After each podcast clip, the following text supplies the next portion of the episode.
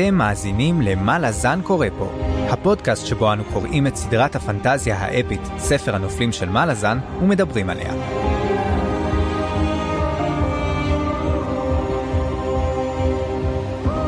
אני צפריר. ואני חיים. והיום פרק מספר 5, שבו נעסוק בפרקים 11 עד 13, בספר גני הירח, הספר הראשון בסדרה. איי, איזה פרקים, איזה פרקים, צפריר. לדעתי, הפרקים הכי טובים שהיו עד כה. תשמע, אתה אומר את זה כל שבוע. אתה יודע, אתה יודע, אנחנו, הנה, אני אעשה משחק שתייה. הנה, אני לוקח את המים. עכשיו, כל פעם שתגיד שזה הפרק הכי אהוב, אתה שותה. אז עכשיו, אני שותה, אז הנה, אז לחיים נשתה משהו, חיים. ונתחילה. תקציר הפרקים הקודמים. משימות, משימות בכל מקום. אחרי דיטור קצר חזרנו לוויסקי ג'ק ושורפי הגשרים. כמה פרקים שלא שמענו מהם, אבל עכשיו אנחנו פה. הוא לוקח את העניינים לידיים ורוקם תוכנית משלו שאפילו הקיסרית לא יודעת עליה. כך, במסווה של דייגים פשוטים, ומאוד מוזרים, הם מתגנבים בחשאי לדרוג'יסטן, עיר השמועות. בינתיים קוויקבן נפגש עם הרלוק ונותן לו בעיטה בתחת העץ הקטן שלו כדי להזכיר לו מי הבוס, אבל גם נבהל ממצבו המידרדר ומתוכניותיו המשוגעות לצבור כוח. הרחק משם במישורי ריבי, טוקה צעיר, תודו שהתגעגעתם, נפגש עם לורן המשנה לקיסרית, תודו שלא, שניצלת מהתקפה של ברגהסטין, אם כי לחיילים שאיתה יש פחות מזל. היא בדרכה למשימה מיוחדת ומלווה בתול, זומבי פלספן בן 300 אלף. הם יוצאים יחדיו לפייל, שם הם מגלים צבא על סף מרידה ומצב פוליטי מורכב בין דוז'ק וטיישרי. ובחדרה, טאטרסל מתעוררת מהקומה ומפלרטטת עם פארן, משתתפת בארוחה מאוד לא נעימה במפקדה, שם היא מואשמת בידי לורן על אירועי העבר ומקבלת פקודות חדשות. שוב בחדרה היא מתעמתת עם פארן על מעורבותו עם לורן, ומחליטה לצאת להגן על וויסקי ג'ק ולהחביא את פארן, אבל לא לפני שהיא גוררת אותו לחדר השינה, להסחת דעת שתתברר בהמשך כקטלנית. בדרך היא נלחמת בבלורדן בקרב קסום שתוצאותיו יחוו למרחקים. שניהם נשרפים אם כי טאטרסל מספיקה להעתיק את נשמתה לתוך גופה משומרת. פארן מאבד את הסבלנות ויוצר קשר עם טוק הצעיר, ושניהם יוצאים לחפש את טאטרסל ולעצור את לורן. ולורן, נו טוב, היא יוצאת עם טול להעיר איזה רודן ג'גהותי עתיק הכלוא ליד דרוג'יסטן. מי הוא היה? מה היא רוצה להשיג בזה? והכי חשוב, כמה טעים המתכון האהוב על הרלוק עורבים צלויים בכאוס? יחד ננסה להבין מה לזן קורה פה. וואו, עורבים צלויים בכאוס, זה היה מגניב. אמ, אני חושב שבמאסטר שף ראיתי מתכון דומה לזה, אבל שם השת- השתמשו בסלאב.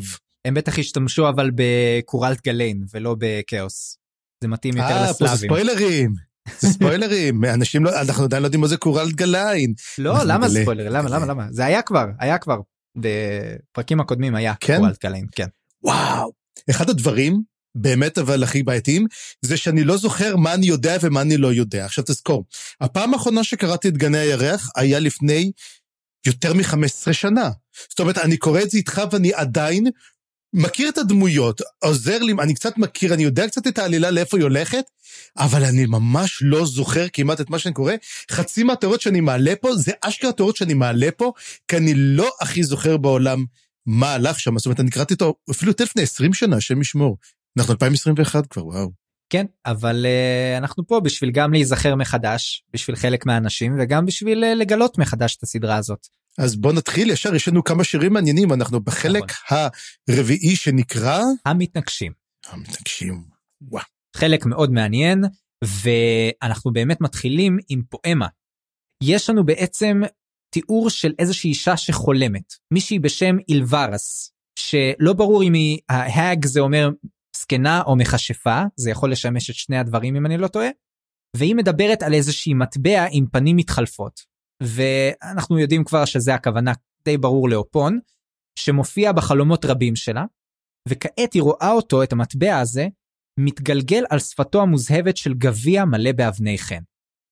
ואני חושב שזה אחת הדוגמאות לשיר שממש אפשר להבין בדיוק על מה הוא מתכוון. זאת אומרת, החידה פה היא מאוד מאוד ספציפית, ואנחנו נבין מהר מאוד. השאלה שלי היא אז עד כמה זה חשוב, כי אני לא בטוח שהדבר הזה הולך להפוך להיות משהו חשוב כל כך, מצריך ל- ל- ל- לרמוז עליו בשיר של תחילת החלק. זה נראה לי יותר מתאים לפרק, אבל תגיד לי אתה, אולי אתה חושב משהו אחר. אני חושב שלגמרי, יש פה סוד קטן, ואני רוצה להגיד אותו לקראת פרק 13 על השיר, ואני אתן לו מין callback קטן, בסופו של דבר בטח כולם עלו על זה, ואני תמיד חשבתי, או, זה חכם, עליתי על משהו, ואני חושב שכולם עולים על זה, זה לא כזה נכון. אבל אני כן רוצה לתת פה איזושהי תיאוריה קטנה שלי. קודם כל, כתוב פה על חיי חלומות, ומי חי בחלומות? קראפ. קראפ. ברור.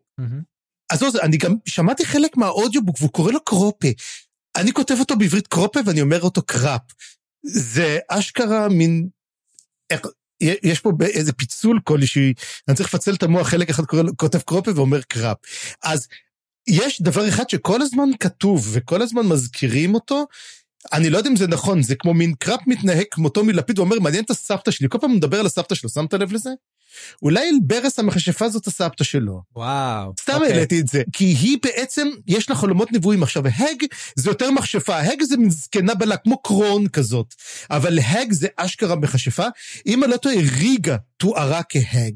אז ידוע שלריגה יש לה קצת יכולות נבואיות, אז אולי בעצם כל אחד יש לו את הנבואות, היינו, ראינו שקראפ, קראפ, החלומות שלו הם ממש כבר מפלט, אנחנו נראה את זה גם בפרקים, אבל לכן אני אומר, יש פה איזה משהו מצחיק קטן כזה בשיר, אבל אולי באמת קראפ מתנהל על פי נבואות של סבתא שלו, שהיא ניבאה, והוא כאילו ממשיך הדרך שלה. אז זה מין תיאוריה קטנה שהעליתי, ואני לא יודע אם מדברים על זה או לא, אבל תיאוריה, כמו שאמרת. אז אתם שמעתם את זה פה ראשונים חברים, ה hag אה, זה כמו crone, וזאת כנראה סבתא של, אה, של קראפ, אז קרון היא סבתא של קראפ.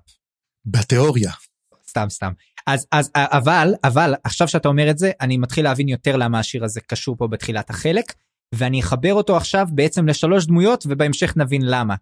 אחת זה קרוקוס, השנייה זה קראפ והשלישית זה סורי. אז אנחנו מסיימים את השיר שלנו את הפואמה ועוברים לפרק 11.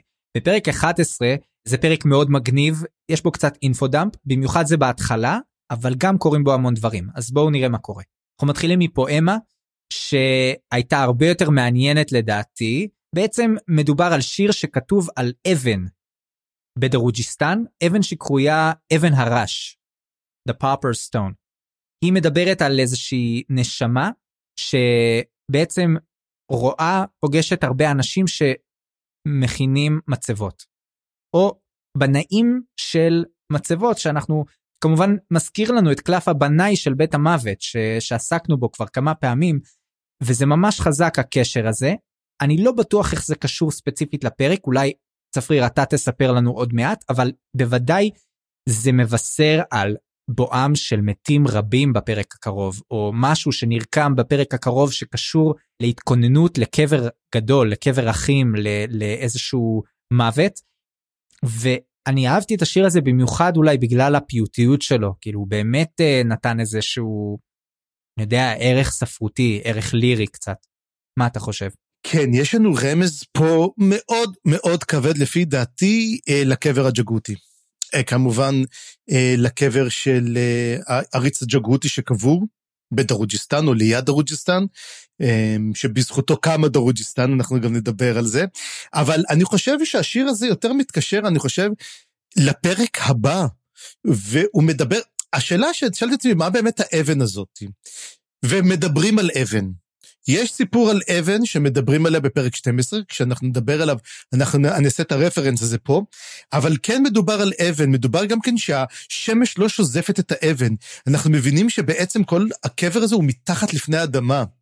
אומרים שאילו רק הקצה שלו בחוץ, ופה, ולמה אבן הרש או אבן האביון או כל דבר נחמד לקרוא לשיר הזה ככה? כמה אנשים באו וחיפשו את האבן הזאתי והתרוששו בניסיון למצוא בעצם את האוצרות הג'גהותים האגדיים. ולכן האבן הזאת מסמלת את כל הנדכאים וכל המסכנים שבאו. ועדיין בונים, ועדיין אומרים, למה אתם בונים? הוא אומר, אני בונה לכם תלי קבורה לך ולבני מנחה. אנחנו שמים לב שהג'גותים, אני לא יודע אם אפשר באמת להרוג אותם, כי אנחנו יודעים שכן, אבל מה שכן אפשר לעשות, אפשר לקלוא אותם. זה מה שאומרים, ובעצם גם כן, הג'גות שפה הוא גם כן כלוא, הוא לא מת. וזה כמובן זרק אותי לוויסקי ג'ק, לגמרי זרק אותי. כן, הנחתי שזה יזרוק אותך. במיוחד, במיוחד שהבנאי בונה תלי קבורה, הבנאי של בית מוות הוא לא בונה, ופה זה משהו מעניין מאוד, שיש פה משהו שטאטרסל, אני חושב, היא, היא קוראת בפעם הראשונה על אה, בנאי בית מוות, והיא אומרת, הוא בונה תל קבורה, וזהיא אומרת, הרי הוא בנאי של הרבה אנשים הולכים למות, אבל פה אנחנו רואים שתל הקבורה של ג'גותים מכיל ג'גות אחד. אז פה השאלה שלי, אולי זה לא וויסקי ג'ק, אולי יש בנאים אחרים, כי יש את הבנאי שבנה תלי קבורה לג'גותים. מה עם הבנאי שלנו? זה טול. הוא גם מת, יש לו קשר למוות, וגם הוא מתקשר עכשיו, גם אנחנו יודעים שהם הולכים נגד הג'גותים ותלי הקבורה. אז יש לנו פה מועמד חדש נוסף לכל הסיפור הזה. יפה מאוד. ואנחנו נעבור לפרק עצמו, ובפרק עצמו קורה משהו שחיכיתי לו אישית הרבה מאוד זמן, וזה בעצם חיבור של שתי הקאסטים השונים שלנו, היו לנו שני קאסטים שונים של הספר עד עכשיו, ופה הם מתחילים להתמזג וזה מאוד מספק בתור קורא, אני אוהב את זה. אמ, ואנחנו מתחילים ה crossover הגדול ה crossover הגדול ומתחילים בעצם מקראפ שגם התגעגעתי אליו ספציפית והוא שוב נמצא בתוך חלום. הוא בחלומו הוא מתחמם מאיזושהי אש שזאת האש שאם אתם זוכרים קרול נתן לו מתנה, הוא נתן לו איזושהי אש שלא נכבית. והוא מתחמם מהאש הזאת, וזה מגניב מאוד, ומתואר המקום שבו הוא נמצא במשהו מאוד מאוד אה, סוריאליסטי כזה, וזה מאוד הזכיר לי את המשעולים, את התיאורים של המשעולים השונים. אבל אנחנו נבין שאולי זה לא בדיוק משעול, כי יותר משזה מקום אחר, זה זמן אחר. ואת זה אנחנו עוד מעט מגלים כי קראפ לא נמצא לבד. לקראפ מצטרף אליו איזשהו איש מאוד מוזר, עם אה, צבע עורו זהוב ועיניו בצבע הענבר וקוראים לו פרנצ'ול רק שהוא לא בדיוק בן אדם אלא הוא קרון תלן שזה הסוג של התלן שהזכרנו אותו בפרקים הקודמים שטול דיבר עליו. הוא אמר שחוץ מהתלן אימאס יש גם את הקרון תלן והקרון תלן בעצם לא נמצאים, אף אחד לא יודע איפה הם, והם הולכים לחזור אחרי 300 אלף שנה מהגלות הארוכה, וטול דיבר על זה, הוא התכונן לזה, ועכשיו פתאום בחלום של קראפ, אנחנו פוגשים קרון תלן, ולא סתם קרון, קרון תלן, הוא קרון תלן לפני שהוא הפך להיות איזשהו יצור חי מת כזה, עוד לפני שהוא עבר את הטרנספורמציה. ואנחנו נבין בהמשך גם שהקרון תלן הספציפי הזה הוא גם לא יהפוך להיות תלן עם מס רגיל, הוא יהפוך להיות אה, מטיל עצמות. אבל זה באמת מפגש יחסית מאוד מאוד מעניין. אז הוא, הוא מציג את עצמו, מספר, מספר קצת את ההיסטוריה המשפחתית שלו, וגם אומר שהכינוי שלו זה השועל הלבן. אגב, הוא אומר פה משהו מאוד מאוד מעניין. אה, בדיוק כשהוא אומר פה שהוא השועל הלבן, אז הוא אומר, למה הוא אומר? כי הוא חכם בדרכי הקרח. זה משהו מאוד מאוד uh, מעניין. מה זאת אומרת שהוא חכם בדרכי הקרח? אנחנו קצת שמים לב וקצת רואים שהתל"ן נמאס, הם קצת, הם לא מתעסקים בקרח. אז זה מעניין מאוד מאוד לדעת את זה. והוא אומר פה הרבה הרבה, הרבה דברים מאוד מעניינים בעצם, ממש אה, מחזיר אותנו. שים לב עוד דבר אחד, שהתל"ן הוא ללא אפוסטרפי. זאת אומרת, כשהם עשו את הטקס, הפכו לי מס, הם קיבלו גם גרש. אז זאת אומרת, זה בכלל משהו שעבר עליהם. ו- ובכלל מעניין שהדמות הזאת, הפרנצ'ול הזה, מספר לו שעידן הקרח, עידן הכפור עומד להסתיים, והמלחמה בג'גהותים שהם התכוננו אליה הולכת להתחיל. ואני חושב שמה שהוא מתכוון זה לא בזמן של קראפ, אלא בזמן שהם נמצאים בו עכשיו. זאת אומרת, מה שיקרה בעתיד, שזה העבר הרחוק של קראפ, זה הולכת להיות מלחמה גדולה בג'גהותים, שבסופה באמת תתחיל הגלות של הטלאן אימאס, והם יהפכו להיות המתים חיים האלה שאנחנו מכירים אה, מאוחר יותר. אז עכשיו השאלה, מה הקשר בין קרח לבין הג'גותים? כי אם הוא מבין בענייני הקרח, אז הוא מבין בג'גותים, זאת אומרת, זה כזה, I know my enemies, הוא כאילו מבין מאוד מאוד גדול בדרכי הקרח. וזה לא פעם ראשונה שרואים בעצם שהתל"ן נמאס הם יותר אש. אנחנו גם רואים את זה גם כן, אה, במיוחד מה שקרה לטאטרסל, שהוא מדברים באמת על התל"ן, על המשעול התל"ן נמאסי, לעומת uh, מה שמדובר על הג'גותים, שזה קצת יותר, כמו שאומרים, שיר של אש ושל קרח, עוד פעם, רק uh, עתיק מאוד. אנחנו גם, יש עוד reference בפרק הזה גם לקרח. עוד משהו מאוד מאוד מוזר, עוד יותר מוזר. כן, אני, אני זוכר משהו גם לגבי הקוראלד גליין, שהוא מתואר כקשור לכפור, לקרח. כן, שחור ואפל וקר. כן, וזה לא קשור ספציפית לג'גהותים אם אני לא טועה, אז, אז מעניין איך, לראות איך הדברים האלה כן מסתדרים פה באיזושהי סכמה יותר הגיונית. עוד משהו מעניין מאוד ב infodump הזה, זה שהפראן צ'ול הזה מזכיר עוד עם, שטול לא הזכיר אותו. הקצ'יין צ'מל שמתו, שהלכו, כן. ש, זאת אומרת, חוץ מהג'גהותים, שעדיין אה, יש כנראה ג'גהותים, וחוץ מהטלן אימאס, שהיו בעצם האימפריה הראשונה והפכו להיות זומבים ופינו את הדרך לבני האדם, היה עוד עם שאנחנו כבר הכרנו אותו שקראו לו הפרקרול הסעיל, נכון? פרקרול הסעיל, כן. וחוץ מהם יש עוד עם. שהפרקרול הסעיל הם אמנם הלכו לאיבוד, אנחנו לא יודעים מה קרה איתם, אבל יש עוד עם שכנראה נכחד. וזה אנחנו לא ידענו עד עכשיו. כן, זה, אבל הם לא נחשבים כאחד משלושת הגזעים המייסדים, זאת אומרת, אה, עכשיו השאלה מה זה אומר גזעים מייסדים, זאת אומרת, אנחנו יודעים שיש שלושה, יש את הטלן, יש את הג'גהותים ויש את הפרקרול הסייל, אלו בעצם שלושת הגזעים המייסדים, ככה הטול מתייחס אליהם. ואז פתאום פרנצ'ול אומר גם כן יש את הקצ'אן שמעל אומר שקרח דיבר אליהם במילים של מוות. ומה שאני חושש זה שהג'גותים רצחו אותם לגמרי. make sense, make sense. שזה בעצם הסיפור. וגם אומר הפרקול הסייל כבר נעלם ולא ידוע מה קרה איתו. עכשיו הפרקול הסייל מבין כולם הוא הכי מעניין אותי. מהסיבה שאנחנו יודעים עליו הכי פחות. זאת אומרת תמיד מדובר עליו הוא תמיד נמצא שם ברקע, אבל אין לנו מושג מי הוא. ופתאום באינפודאמפ, כמו שאני אומר תמיד, הוא מסביר לך כמה דברים, אתה אומר, אה, אוקיי, זה זה זה זה זה זה, ופתאום הוא אומר לך, אה, והקצ'ן שם, אתה אומר, מה, מה, מה זה עכשיו? אריקסון קלאסי. ומי הם? ומה הם? אבל עוד דבר אחד גם שמעניין, שפרנצ'ול גם הוא, מזה, הוא מזהה בעצם את uh, קראפ כבן אנוש, הוא אומר, די עשינו את זה למענכם. או אנחנו די עושים את זה למענכם. ופה אני רואה מין פטרונות כזאת של התל"ן אימס על בני האדם. שזה די מעניין, כי גם כן שלפני זה הוא מדבר, טול מדבר עם לורן, והוא אומר לה, עשית יפה ילדתי, וזאת אומרת, כנראה התל"ן אימס רואים באנושות את הילדים שלהם. כאילו את הגזע הממשיך שלהם, אולי גם האנושות היא מעין offshoot של טלאן אימאס כלשהו, אה, ואולי זה מייסדים, כי אנחנו ראינו גם שהטלומן הם כמו מין offspring של הג'גותים, כי למרות שכמו שאומרים, גוטוס לא היה מסכים לקרוא להם ככה, אולי כל הגזעים שאנחנו רואים היום הם ככה, אז אולי במקרה, כמו שאתה מדבר על הטיסטי אדור שאנחנו מדברים, אולי הם ה... מי ש... הם, הטיסטי אדור הם בעצם האבות של הטיסטי אנדי. ואתה הזכרת לי שעם כל הדיבור פה על הגזעים והגזעים העתיקים, המייסדים וכולי, איפה נכנס בכל הסיפור הזה הטיסטה אנדי?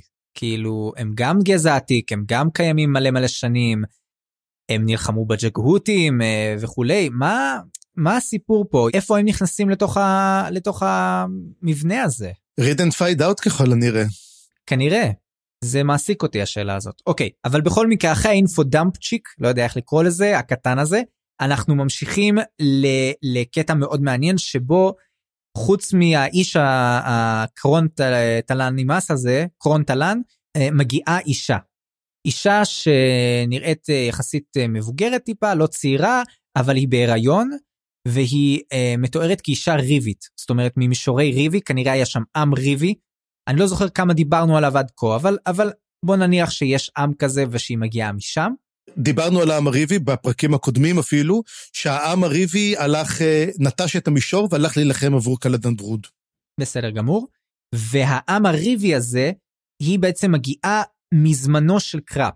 היא איכשהו משתרבבת לתוך החלום גם כן, ויש עליה קעקוע, על הבטן שלה היא חשופה, והוא רואה שהיא בהיריון, ועל הבטן מקועקע שועל לבן. זאת אומרת, אנחנו כבר מבינים שיש בינה לבין הקרון הזה יש איזשהו קשר, והיא אומרת שהמשעול שלה עם מס, שקוראים לו תלן, הוליד איזושהי נשמה אבודה, והנשמה הזאת בדרך לפה והיא נמצאת בגוף מתועב. ומהר מאוד אנחנו מבינים שמדובר בטאטר סייל שהולכת לבוא לפה. והיא אומרת, האישה הזאת שקרול, האל העתיק הזה, שלח אותה לטפל בנשמה הזאת. ולמה הוא שלח אותה לפה? למה קראפ בעצם עד לכל הדברים האלה?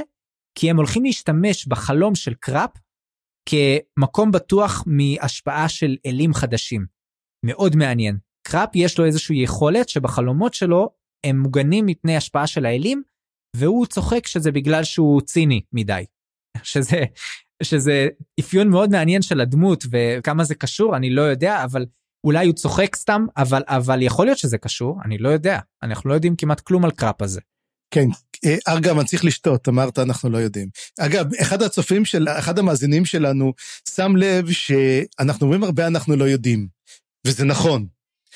אנחנו חלק יודעים, חלק פחות, חלק אנחנו מנסים להבין, ואומר שלעשות משחק שתייה, כל פעם שאנחנו אומרים אנחנו לא יודעים, צריך לשתות, אז אני חושב שאמרנו כבר כמה פעמים, אז אתם מוזמנים לשתות, משהו חריף הרבה יותר טוב.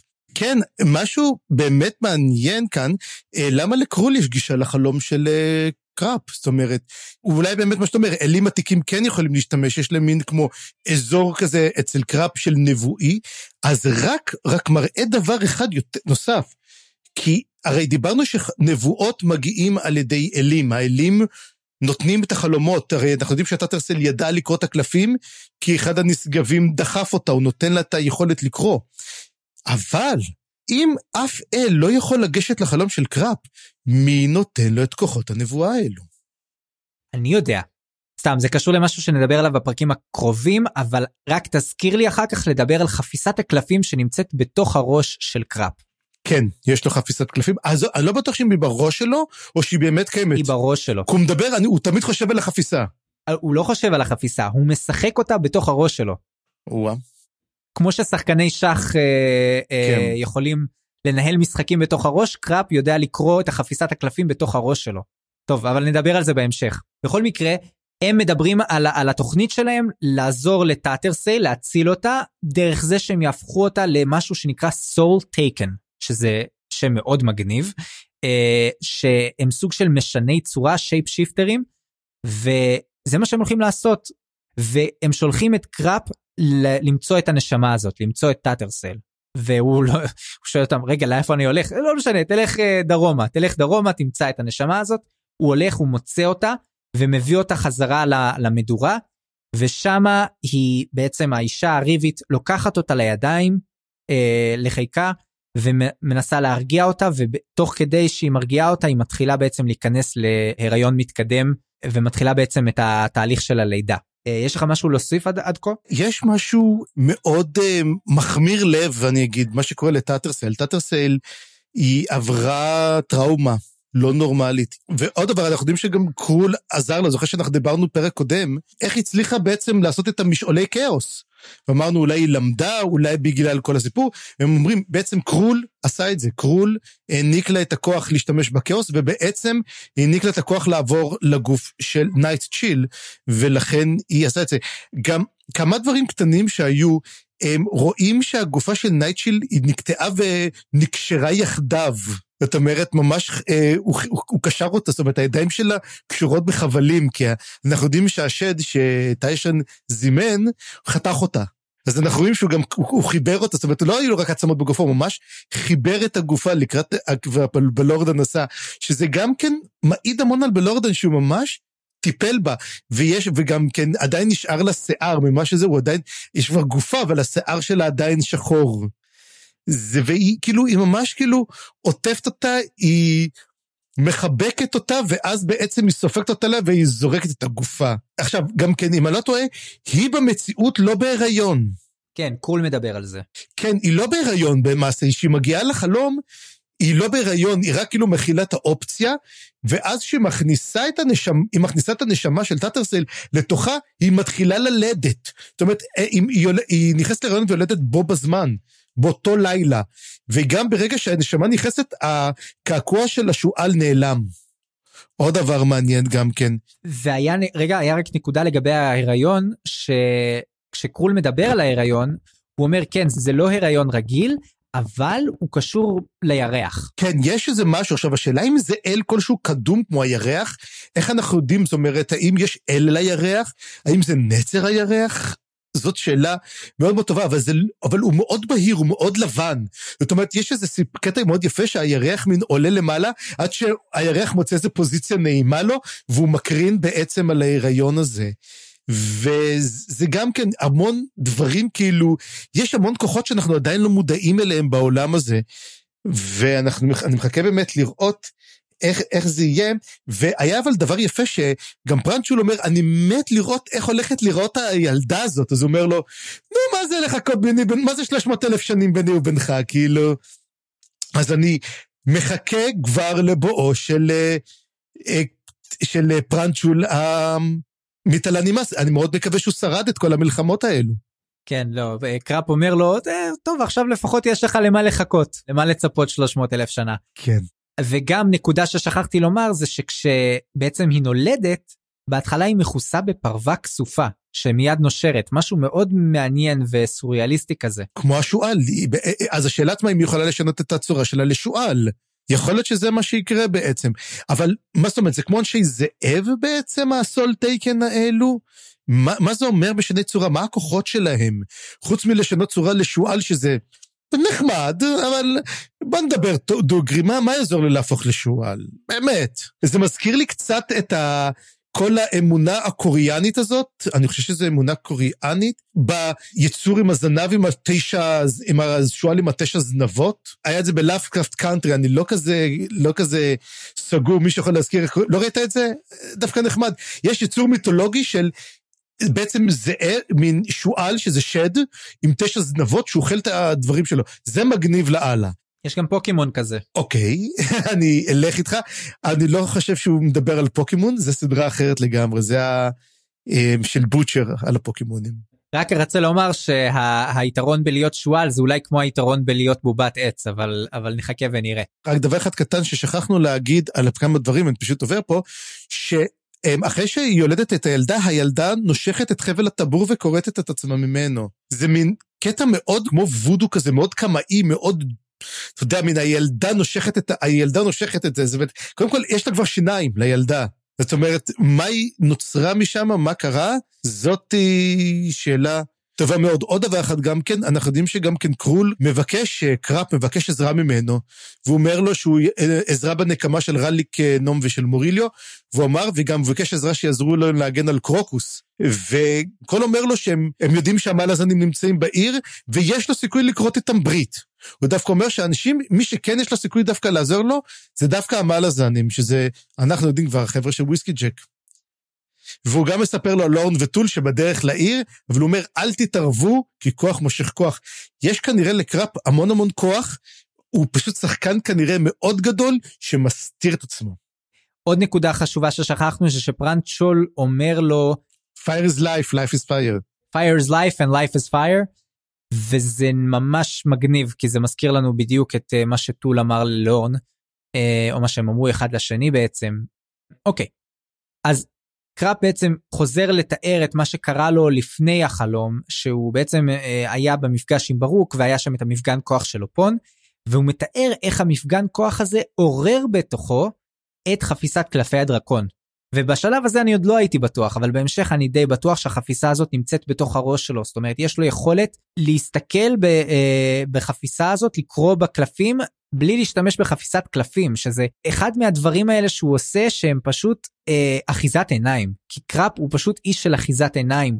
הוא אפילו עושה אחיזת עיניים לאלים.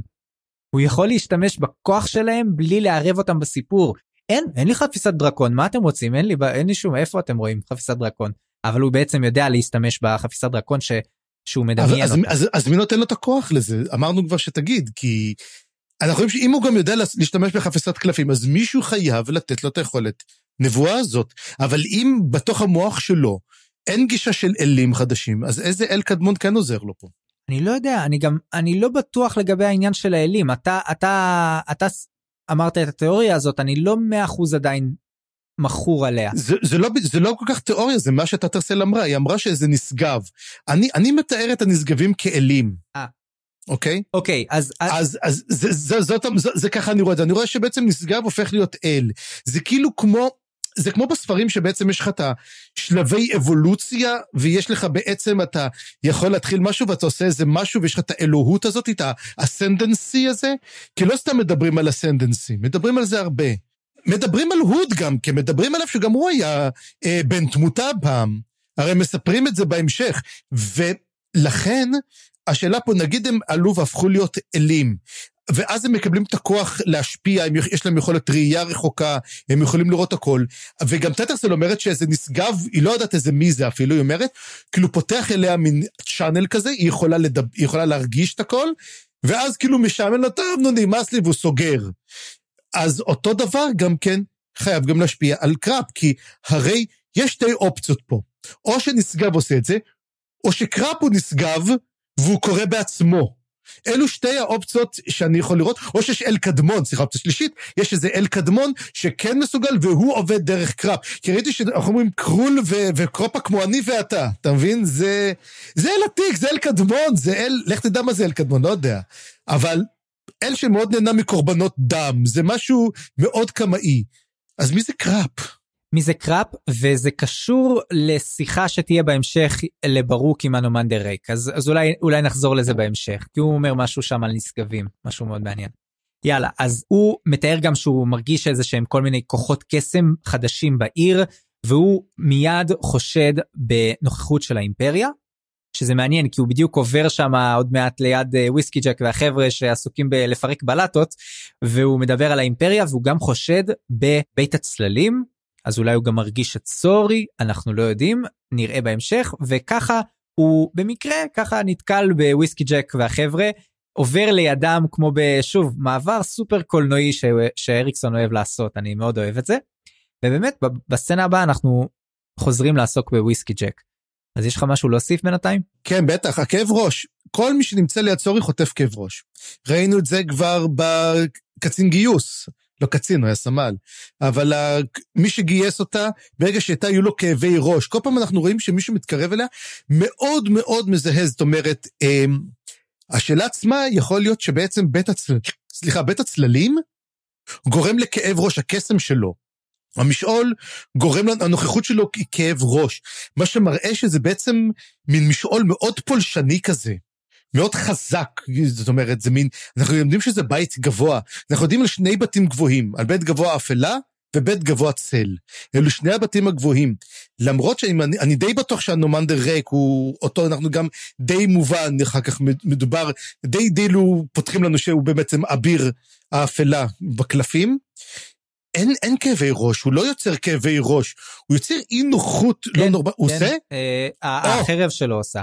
החרב שלו עושה סיוטים, אנחנו נדבר על החרב שלו פרק 13. לא, היא עושה כאב ראש לברוק. כשהיא הורגת את השד. להרבה היא עושה, גם היא עושה גם לקוויקבן. נכון. היא עושה לכולם. בדיוק. אז זהו זה, זאת אומרת, השאלה עצמה, האם באמת הנוכחות של בית גבוה היא כל כך חזקה, שכל מי שיש לו קצת איזושהי גזיקה לקסם, מתחיל לחטוף כאבי ראש לא נורמליים. זה מעניין, מעניין לחשוב על זה ככה. כן אז בוא נתקדם אנחנו נורא קשה לנו להישמר פה מלקפוץ קדימה ואחורה ו- ו- ו- כי, כל הדברים פה נורא קשורים אבל בעצם כל, כל הפרקים האלו כל הפרקים האלו הם יחידה אחת. קשה מאוד ללכת על זה אחד אחרי השני. הם ממש נותנים לנו מארז מאוד מאוד יפה של עוד מידע עוד התקדמות ולמרות שפרק 13 זה קצת שונה אנחנו נדבר על זה קצת שונה משני הפרקים האלו אבל כן לפי דעתי זה מין יש התקדמות מועטה אבל יש המון המון הבנה הרבה יותר גדולה של העולם עצמו. כן אז אז נחזור לוויסקי ג'ק והחבר'ה שהם בעצם עסוקים עכשיו בשלב ב' של התוכנית שלהם אחרי שהם השתרבבו לתוך העיר הם בעצם מפרקים את אבני הריצוף ואנחנו קולטים שכבר שכבר ראינו אותם בח, ב, ב, בפרקים הקודמים כשברוק מתלונן על זה שעושים לו עבודות שיפוץ ברחוב ליד אז זה היו בעצם הם והם מטמינים מתחת לבלטות מוקשים שזה בעצם התחמושת שהם קיבלו מהמורנט. ואנחנו בהמשך נבין שזה סוג של באמת אה, משהו מאוד מאוד חזק אה, עם כוח אה, מאוד מאוד רציני, כוח אלכימי מאוד רציני. ומטמינים שם את, ה, את המוקשים, וסורי מדברת עם וויסקי ג'ק. והיא אומרת לו, תראה, האיש השמן הזה שעבר פה ליד, אני חושבת שהוא מאוד מאוד חשוב, אני רוצה לעקוב אחריו, והוא אומר לה, טוב, לכי על זה. ויש אמ, שם נקודה מאוד חשובה כשהוא מזכיר את המילה סיר. הוא שואל אותה, תגידי, מה, הוא איזשהו סיר? וזה פתאום מעורר בסורי איזה משהו שעד כה לא היינו בטוחים אם הוא נמצא בכלל.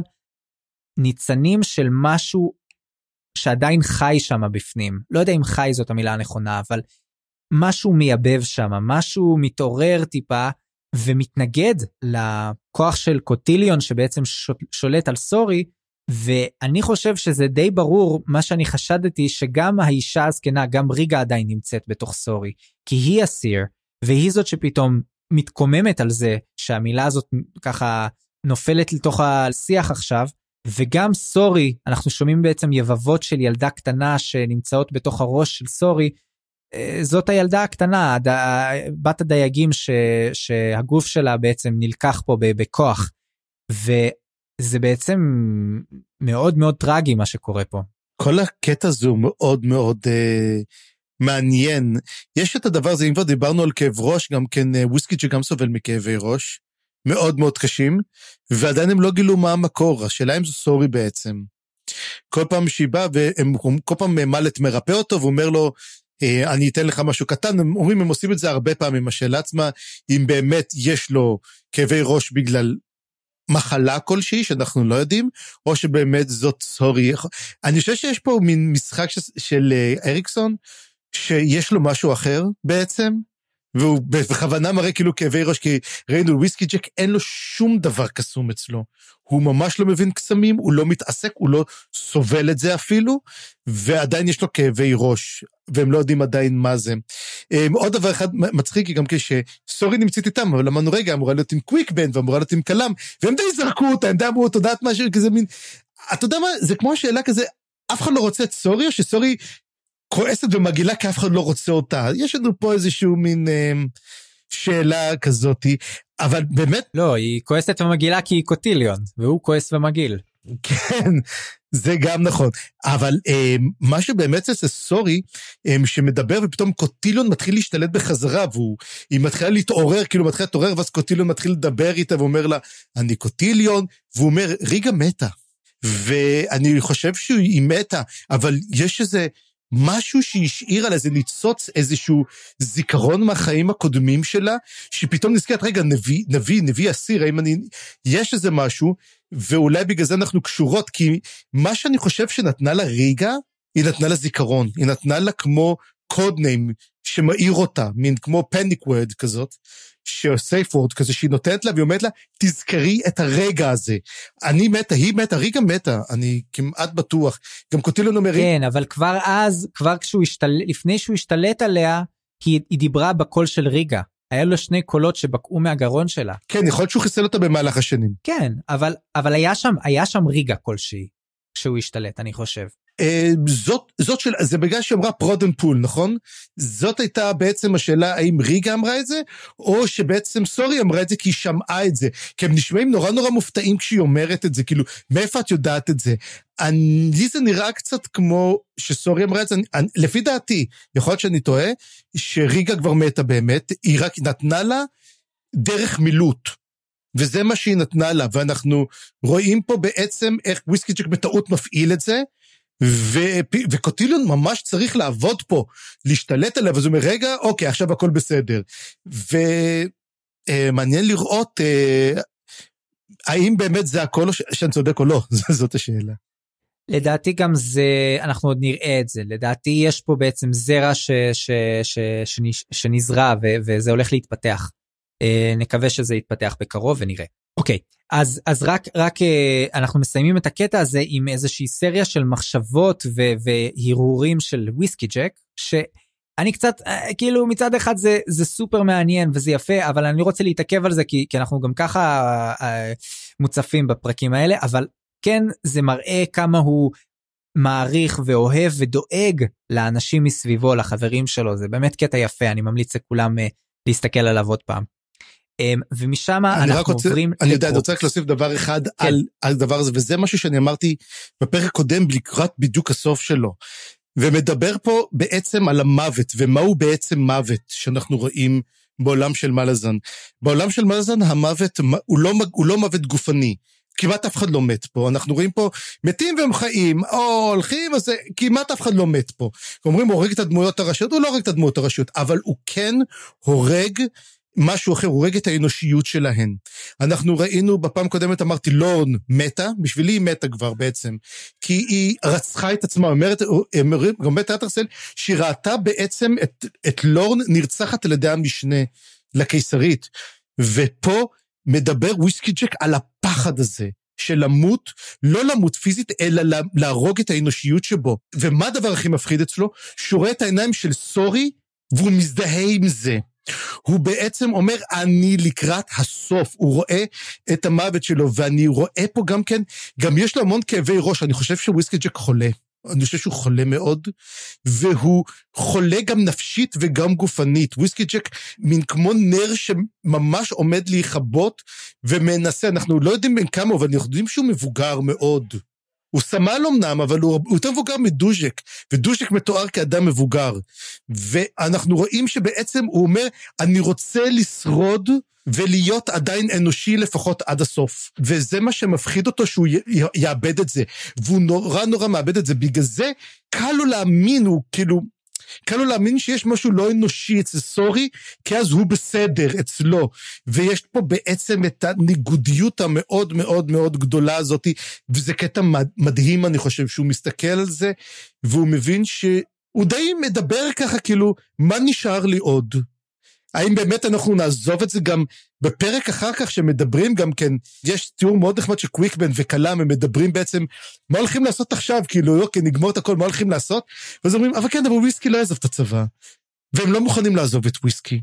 וזה מאוד אנושי, כל הסיפור האלו בין האנשים ובין מה, לאיפה הם רואים את החיים שלהם הלאה. אבל דבר אחד מעניין פה, שהם מדברים מה הם הולכים לעשות עם כל המוקשים שלהם, עם כל הפצצות שלהם, אומרים, טוב, אנחנו החלטנו לפ... להוריד איזה בית, ואיזה בית הם בחרו? את הבית של ברוק. הם אומרים, אומרים פה, בוא, בוא, בוא תעשה את זה מסביב. אומרים, זה בית הבית שממנו יצא השמן הזה, תשמיד אותו. זה הבית של ברוק, בתכלס. אז... אמ, כן, אבל לא סתם, כי, כי זה בית של אלכימאי, וכשהם יפוצצו אותו, אז יהיה פה וואחד פיצוץ, כנראה. extra damage. כן, extra damage, וגם אה, מדברים על אולי למקש את הגבעה, גבעת הש... איך קוראים לזה? ה Majestic Hill? כן, Majesty Hill. הם מדברים על זה יותר מאוחר, אז אחר כך בסוף אוקיי. הם אוקיי. מדברים על זה בפרק הבא. הם אומרים, אז אומרים, אולי נפוצץ את זה? אז אומרים, אומר, אוקיי, אז עכשיו תוציאו את כל המוקשים מחזרה מהאדמה, תעשה את זה, לא, לא, לא, לא, תעזבו. לא, לא, אבל גם פה, גם פה הם אומרים שהם מתקוד, מתקדמים לכיוונו. אה, כן, הם הולכים, הם הולכים למקש גם את האזור ההוא, זאת אומרת, הם אומרים שהם הולכים לשים בעצם מוקשים בצמתים מרכזיות בשביל לעשות אקסטרה דמג', שכאילו לכולם, הם מתכננים משהו. או שבעצם לקראת פלישה של המלאזנים פשוט, או משהו אחר. זה, זה בעצם יהיה מעניין לראות לאיפה זה הולך עכשיו. בסדר. ומפה אנחנו עוברים לקרוקוס. וקרוקוס אה, עובר ברחובות החוגגים של העיר, יש בעצם את החגיגה שדיברנו עליה מקודם, הפתה הזה, שבעצם אה, מסמל את אה, בוא האביב, נכון? או שיא האביב. אה, בוא האביב, הם קוברים את עונת החורף. הם כאילו קוברים אותה, והם כאילו חוגגים לבוא האביב. כן, וקרוקוס מגיע לבית של הדוד שלו, וזה היה חלק מאוד מעניין שלא ציפיתי, ש... שהוא הולך עכשיו לדבר עם, ה... עם הדוד שלו, ואנחנו נראה שהדוד שלו הוא לא כזה אהבל, הוא יודע מה האחיין שלו עושה. הוא יודע במה הוא מעורב, והוא גם לא כזה אה, חף מלהתערב בזה בעצמו, והוא גם לא מדבר אליו כמו איזה פטרון ש, שלא מבין את, את פטרון ש, שלא מבין את, את הנוער בעצם. שזה trope שאנחנו רואים אותו בהמון המון אה, ספרים וסרטים אני אני חושב שזה מאוד מאוד מעניין לראות את היחסים בין הדוד לבין אה, קרוקוס.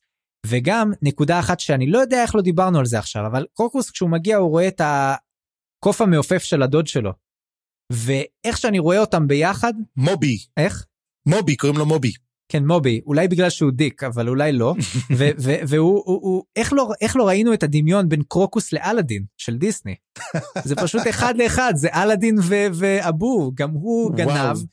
גם הוא אה, כזה בדחן מטומטם כזה גם הוא מתאהב בנסיכה לא יודע כאילו יש פה כזה הרבה קווי דמיון ש...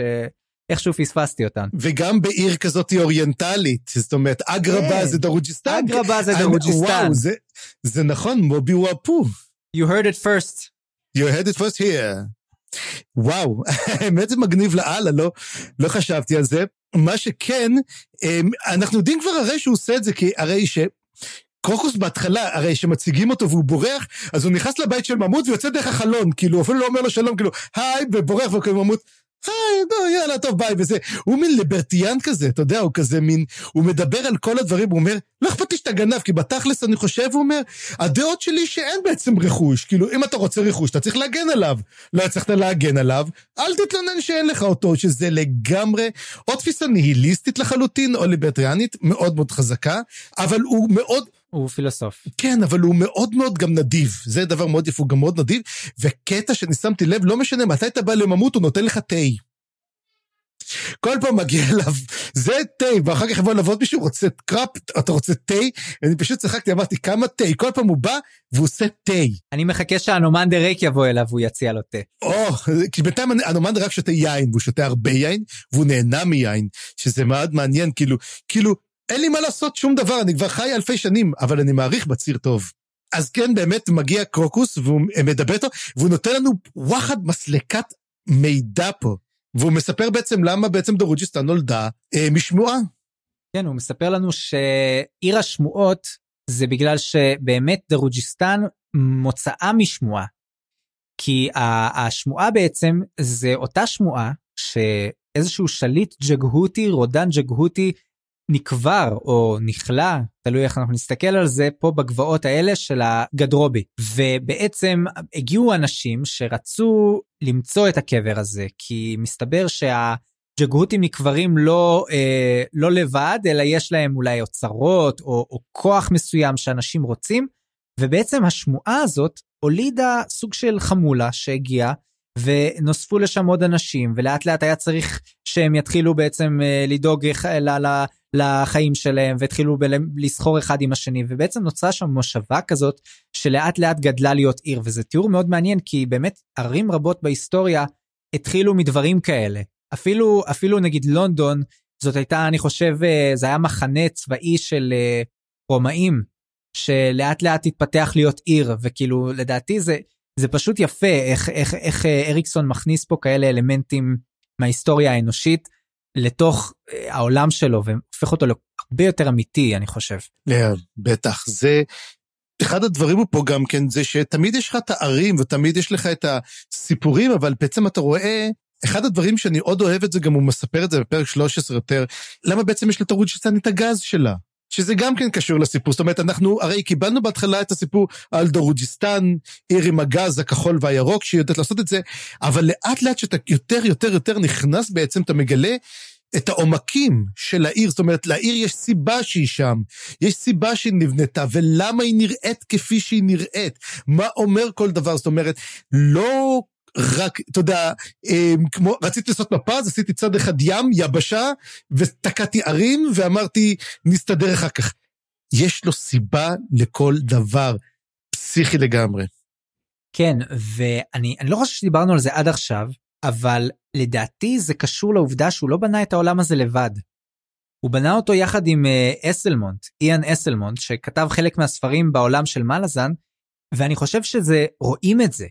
כי, כי דברים כאלה, זה לא שהוא לא יכל היה לבנות אותם בעצמו, אבל יש פה הרגשה ש, שזה נבנה תוך כדי שיחה, תוך כדי סיור מוחין כזה, ולאט לאט באמת נוצר פה איזשהו פרויקט ענק ש, שאולי אריקסון הוביל אותו, אבל אני חושב שזה יפה שרואים את כל העומקים האלה, וזה מראה שאולי גם יש פה חלק מהעניין שזה עוד יותר מבן אדם אחד בעצם. כן, אנחנו לא יודעים בדיוק מה החלוקה בין אסלמונט לבין אריקסון.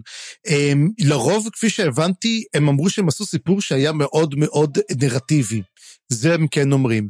וידוע שבעצם הם, אריקסון התחיל לעשות את המשחק והם ניסו להתקיל אחד את השני.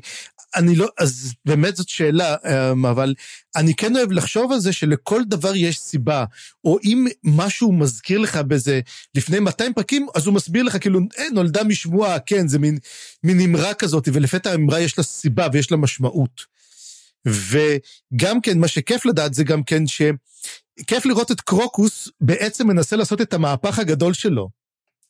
אה, הוא אומר, אני, הוא, הוא, הוא, הוא התאהב, הוא התאהב הבחור לגמרי, הוא בא, הוא רוצה את התכשיטים בחזרה, הוא לא מוכר אותם, ועכשיו הוא אומר, אני רוצה בעצם uh, להתחנך. אני רוצה לקבל uh, חינוך רשמי, הוא בא מתעניין בספרים שלו, למה בכלל מתחיל לדבר איתו, סליחה, ממוט מתחיל לדבר איתו, הוא אומר לו, מה, מה כתוב פה בספר הזה? ככה ממוט כזה, אה, מה, אתה רוצה לדעת? פה שב, יש לי איזה שעתיים שלוש פנויות, והוא מתחיל ממש אה, לעשות לו את החינוך מחדש של קרוקוס יאנגהנד. וזה ממש גם שינוי מעניין של הדמות, וגם אנחנו נראה עוד מעט איך זה יתפתח גם. אנחנו עוברים אה, חזרה לסורי. רגע, לפני סורי, יש, יש לנו פיסות מידע, יש מסלקת מידע, וזה הדברים המדהימים פה. הרי שואלים אותו, ואז הוא מדבר פה בעצם, אה, ממות מספר לו על שלושת הגזעים שנלחמו על שליטה. זאת אומרת, אנחנו חושבים שהיה גם מלחמה בין שלושת הגזעים האלו. יש בעצם את הפורקרול הסל, הוא קורא להם קרוסייל, בעצם מין עיוות שם שלהם שנשאר עד היום. הוא אומר, הם נטשו מוקדם, לא כי הם היו חלשים, פשוט חוסר עניין.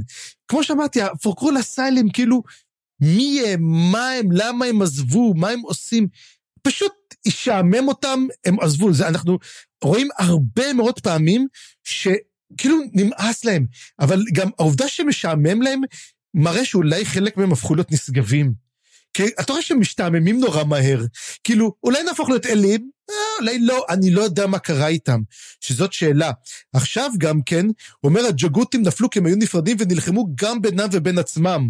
זה אנחנו כבר ראינו, שבעצם העריץ נכלא על ידי הג'גותים עצמם. ואז הם אומרים, קוראים להם ג'אג או שורל.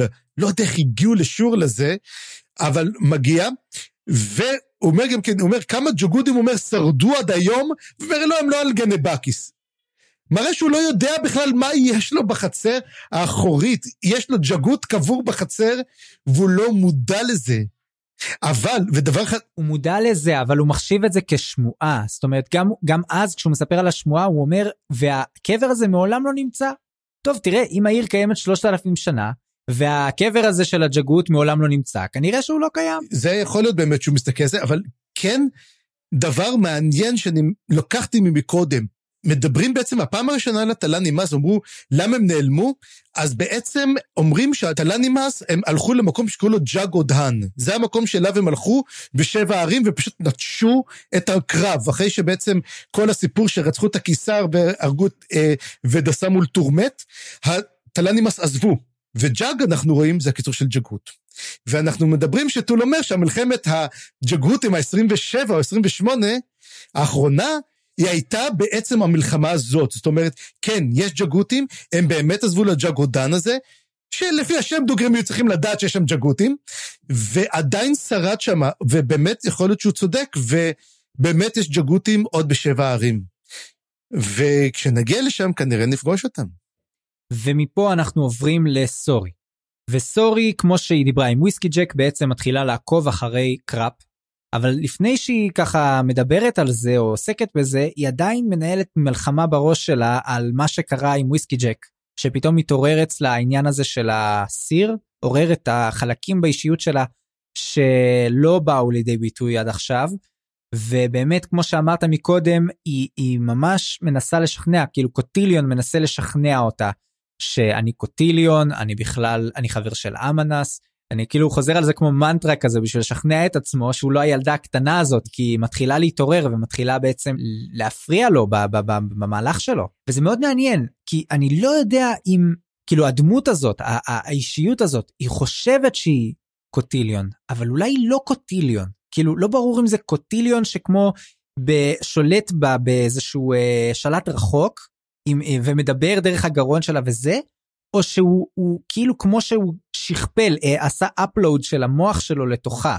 כאילו לא ברור בדיוק מה קורה פה מבחינתנו. אני אף פעם לא ראינו את, את, אה, אה, או זה לא נכון שאף פעם, אבל לאחרונה לא ראינו את קוטיליון וסורי יחד אף פעם. קוטיליון מופיע בכלל בצנה אחת בכל הספר, וזה בפרק הראשון. אנחנו רואים את המנס, הרבה פעמים רואים את המנס, אנחנו גם נראה אותו באמת, ו- אבל, אבל קוטיליון הוא ממש מאחורי הצללים, אנחנו רואים אותו רק דרך סורי. אז אה, אי אפשר לדעת כרגע באמת האם זאת האישיות שלו או לא. אנחנו אה, לא מודעים לזה. אנחנו הנה, לא יודעים, הנה, אתם יכולים לקחת תחושות. אני אני אלך לקחת שלוק, כן, סורי, לא יודעים, באמת לא יודעים. אוקיי, אז היא עוקבת אחרי קראפ, וקראפ בדרך לפונדק אה, עושה קצת שופינג. הוא אה, אה, מרים קצת אה, סחורה ומכניס אותה לשרוולים לכיסים היפים שתפורים לו שמה הם אה, הולכים זה שוב זה כזה מראה כמה הוא אה, תחמן ופשוט uh, איש מאוד מאוד מאוד ממולח והוא מגיע לפונדק הפניקס סורי מגיעה אחריו, אלא מה?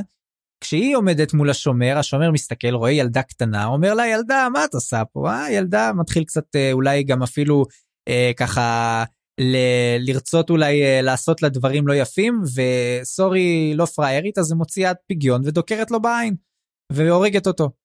ואנחנו עוד, עוד מעט נראה מה, מה יקרה עם הסיפור הזה, אבל ככה היא בעצם נכנסת לפונדק ונגמרת הסצנה עם סורי. כן, אמ, אין לי כל כך הרבה מה להגיד על זה יותר על הדבר הזה, אבל כאילו זה כל מה שיש לקראפ לעשות, זה פשוט ללכת לפונדק הפיניקס. נראה שיש לו, יש איזה שלושה מקומות בכל זה, שהוא רק הולך לשם. כל לילה, איפה הולכים לפונדק הפיניקס? לאיפה זה? פונדק הפיניקס. והחבר, והחברים שלו מעכשיו יקראו מסדר הפיניקס. תשמע, אם, אם, כן, מלא תחכום, ת, תגיד לי, אם לך היה פונדק שהיית יכול ללכת לשם ולאכול ולשתות בלי לשלם, היית עושה את זה כל ערב? נראה לי ברור, שהיית עושה את זה. ברור, כאילו ברור. אבל הוא גם אוכל בדרך, הקטע שבאמת, יש לו הקטע שאהבתי שאומרים שהוא הולך עם ידיים כאלה, אתה יודע, מנה, ידיים כאילו זה, אבל בעצם זה תנועות קסם, ובעצם הוא מעלים דברים. וזה לגמרי מה שהזכרת לי, ונזכרתי עוד פעם באלאדין, שהוא גונב את התפוח, וזה זה כזה מין, יש אווירה כזאת. כן, לגמרי. וזה גם סצנה מקסימה כזאת וזה הדרך של אריקסון לעשות לנו מה שקראפ עושה לכולם בעצם זה דרך שלו להגיד אה, אולי הוא סתם איזה תחמן זקן כזה חמוד שגונב דברים פה ושם לא לא אה, כל הסוד הכוח של קראפ זה היכולת שלו להסוות את הכוח שלו. סוד הכוח שלו זה שלא נראה שיש לו כוח. וזה, וזה יפה כי גם מבחינה ספרותית אנחנו רואים את זה שוב ושוב, איך הוא, איך הוא מתחמן אותנו, איך הוא גורם לנו לחשוב שהוא כזה אה, מצחיק וחמוד ושנון וכזה אולי קצת טיפש, אבל הוא לא. הוא להפך. דבר אחד קטן על סורי, שזה דבר, אה, היא בדיוק נכנסת לפונדק, וכשהיא נכנסת לפונדק, היא פוגשת שם שתי ז'לוביות כאלו, אמ, הם, איך קוראים להם, איך, הבע, הבעלים של הפונדק, איך קוראים לה? מיס, נכון? מיס והירילתה.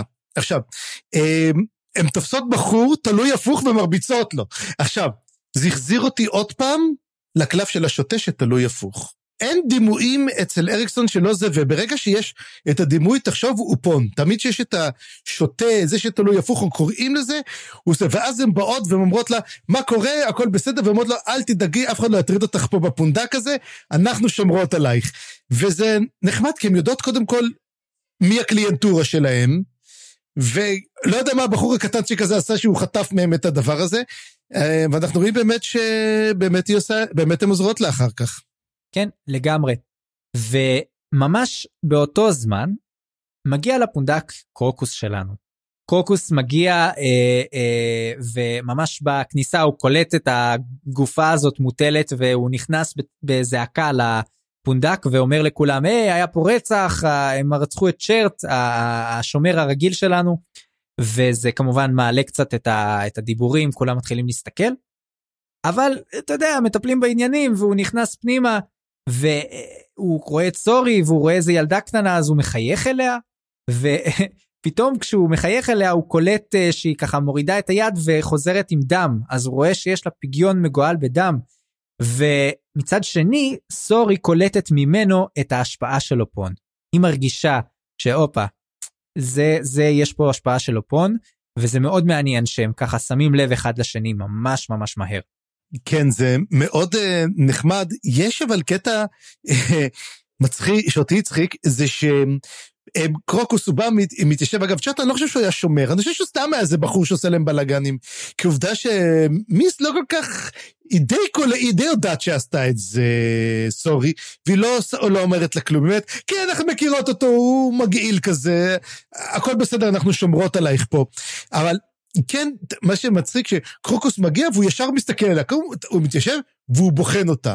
כזה בוחן אותה, אתה יודע, נותן את המבט, אבל הוא, הוא מפסיק להסתכל עליה, כאילו לא שהיא לא מצא חן בעיניו, אבל את, אתה מרגיש שהוא עדיין מאוהב במישהי אחרת, זאת אומרת, הוא מסתכל עליה, הוא בוחן אותה, אבל הוא די נשאר אדיש אליה באיזה רמה, הוא כזה בוחן ואומר, אוקיי, אבל עדיין הלב שלי במקום אחר, אבל זה מראה שזה אינסטינקט שלו. האינסטינקט שלו תמיד לקחת בחורות ולהסתכל עליהן. כן, הוא charmer כזה, הוא אלאדין, אמרנו. כאילו, הוא עושה עיניים לבחורות מה, מהחלונות כשהוא עובר לידן בבריחה מהשוטרים. זה מוריליו, מוריליו עושה עיניים לבחורות. לא, גם, גם, גם אלאדין, מה זאת אומרת? גם קרוקוס. הוא לא, הוא מדבר על זה שהוא אומר, כן, ראיתי פעם בחורות ערומות, ראיתי, אתה יודע, את כל הבחורות, הרי אני גנב, הוא מתלהב מזה שהוא גנב, אוהב את העולם הזה, אבל הוא לא, לא, לא, לא, לא מציג את עצמו כקזנובה כזה. אנחנו גם נראה בהמשך שהוא ממש ממש לא. קזנובה, הבחור. נכון, לדעתי הוא סתם כזה צ'ארמר, כאילו, בחור עם אה, חיוך יפה וזה. לא נראה לי שהוא... אני אפילו לא ראיתי בזה שהוא ככה checking out אה, את סורי. לדעתי הוא סתם כזה חייך לילדה שפתאום הוא... מה, מה עושה פה ילדה? איזה קטע.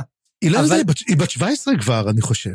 או בת 15 או 17. היא לא, היא לא ילדה, היא כבר לא אותה ילדה שלקחו אותה, נערה, מי- נערה צעירה. היא כבר נערה צעירה. אני, אני, לפי הבנתי הוא אומר שהיא נראית לא רע, אבל העיניים שלה נוראות.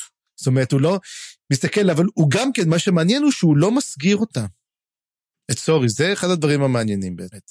נכון, ומשם, שוב, זה פרק עם מלא מלא מעברים, אנחנו עוברים לסצנה אחרת בכלל. אנחנו עוברים לסצנה... כן, אבל שכחנו בעצם אה, למה היא יודעת שהוא מצ... בכלל מאופון. למה היא עושה שטות. סורי עושה שטות. והשטות שלה, אני אומר לך, זה בגלל קוטיליון. אני אגיד לך למה. היא באה ואומרת, אני רוצה אה, בירה פלאדית או משהו כזה, בכוס מפיוטר, מכוס מתכת. ואז אומרים לה, אה, את רוצה את הבירה הכי טובה? וזה, ואומרים לה, כאילו, מה, מאיפה את מכירה את הדבר הזה? וזה מאוד מוזר כזה, והיא מבינה שעשתה טעות.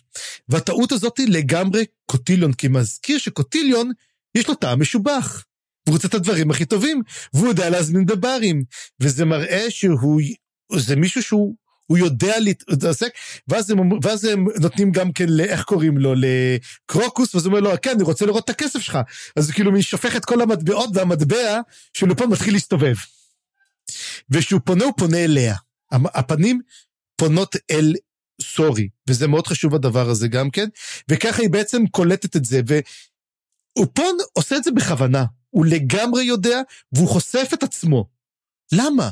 הרי יש לך פה את בית הצללים, שבית הצללים שונא, שונא את אופון בצורה, והוא חושף את עצמו. כאילו הוא מראה, מה הוא מנסה, מה הוא מנסה להשיג בזה בעצם? אני חושב שהוא מקדים את המאוחר, כי בהמשך היא תתלבט אם להרוג את, אה, את קרוקוס, ולדעתי זו דרך הרתעה מסוימת. אה, זה, זה כלי שלי. הופה, עד כאן. בכלי הזה אל תיגע. אתה קרוב מדי, תתרחק. אבל, אבל אף פעם לא היה אכפת לצללים, הצללים מחפשים את אופון, הם מנסים לחסל את כל הכלים שלו מהשטח. היא גם חושבת על זה גם כן, אני בהמשך, היא גם אומרת, אני חיסלתי כבר את כל הכלים של אופון, היחידי שנשאר זה רק הוא. אז זאת אומרת, למה לחשוף את זה? וזאת שאלה טובה, למה אופון ממש חושף את הכלי שלו על ההתחלה?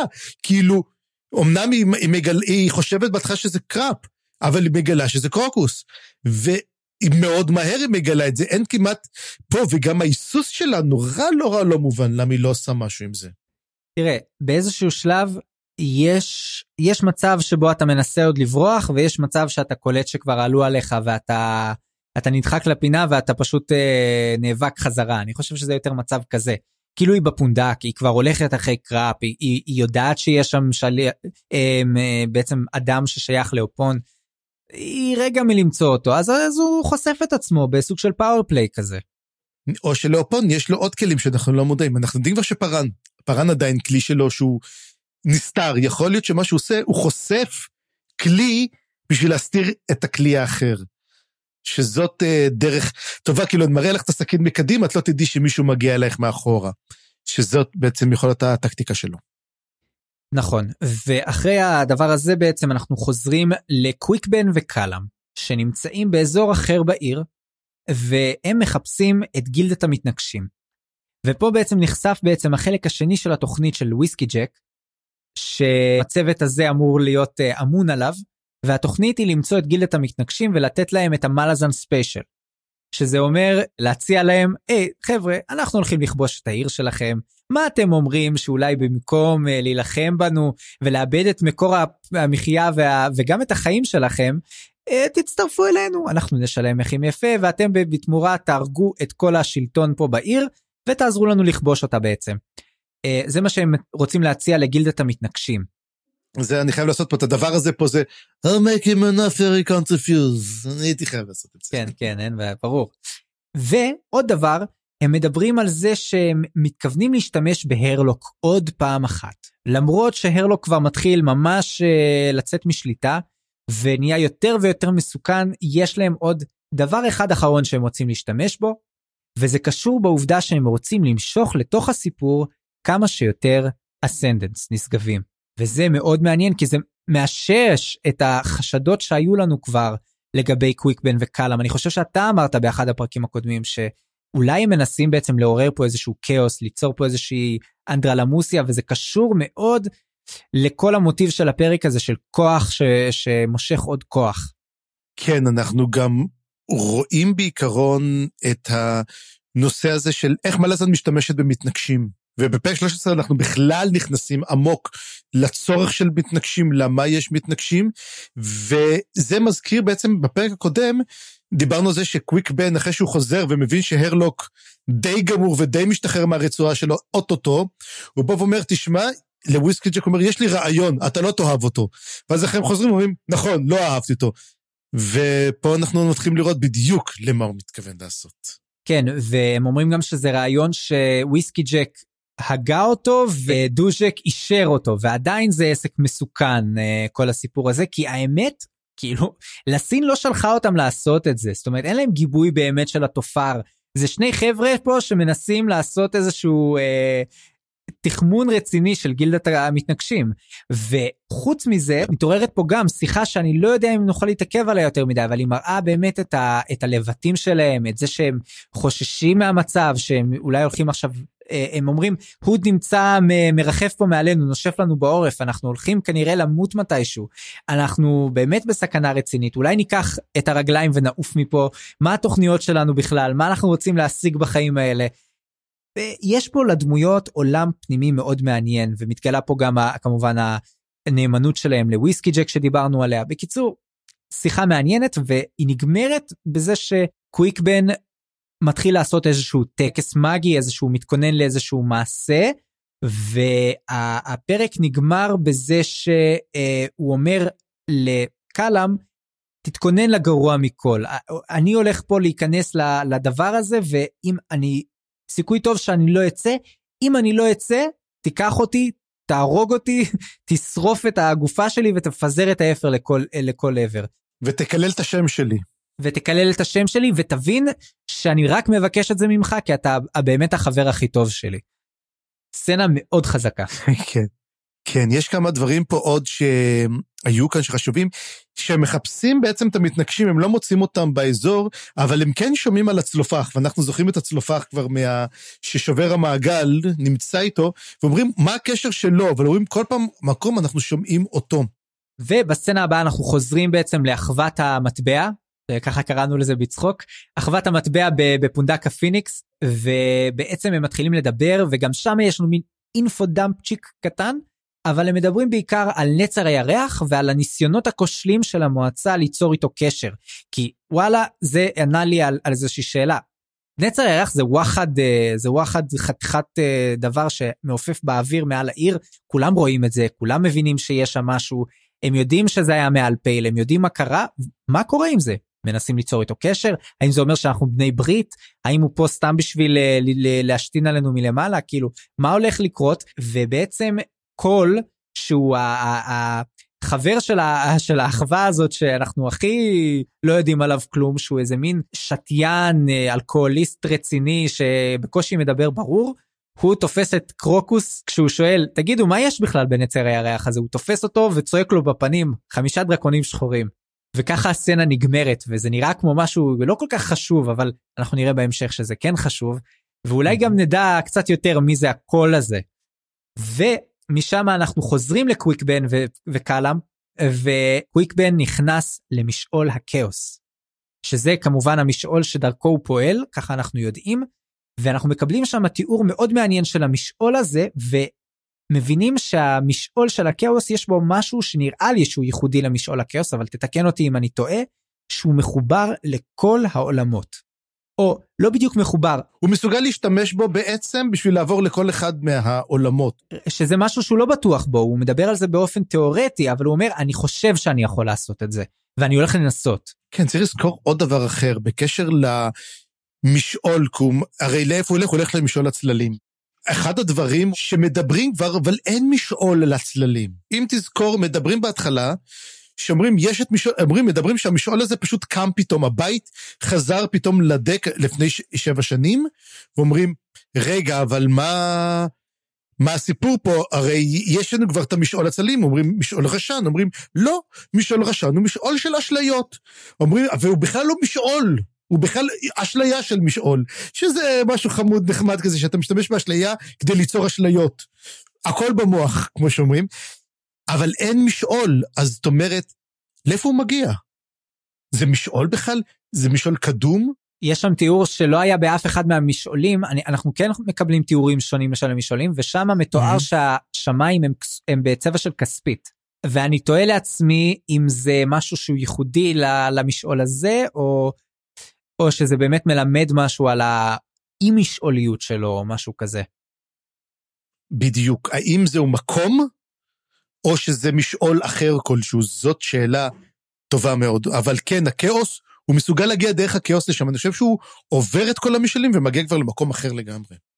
יכול להיות, והוא אומר חיבור לכל העולמות. זאת אומרת, יכול להיות שזה לא משעול, יכול להיות שזה עולם כלשהו שהוא נכנס אליו.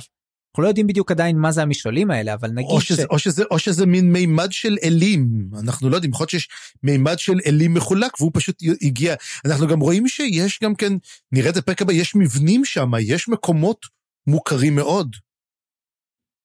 לגמרי. ובאמת הפרק נגמר בצורה מאוד מצמררת כשהוא בעצם אומר הגעתי אני רוצה לדבר עם uh, Shadow Throne עם כס הצללים בכבודו ובעצמו ובתשובה הוא מקבל יללה של כלבים. כן. וככה בשיא המתח בקליפהנגר רציני אנחנו מסיימים Mhm. את הפרק הארוך והיפה הזה. כן, יש עוד דבר אחד uh, מעניין בקשר לזה שקוויקבן בתכלס לא מגיע בעצמו בכאוס, הוא שולח את הרוח שלו. זאת אומרת, הגוף שלו עדיין נשאר בעולם הגשמי, הוא שולח את עצמו, אבל הוא כן, מה שמעניין, הוא יוצר לעצמו גוף שנראה כמוהו. מראה שהוא יכול היה לבחור בכל צורה להיראות, אבל לא, הוא מגיע כפי שהוא נראה, ויש לזה סיבה. יאללה, צפריר, קח אותנו לפרק 12.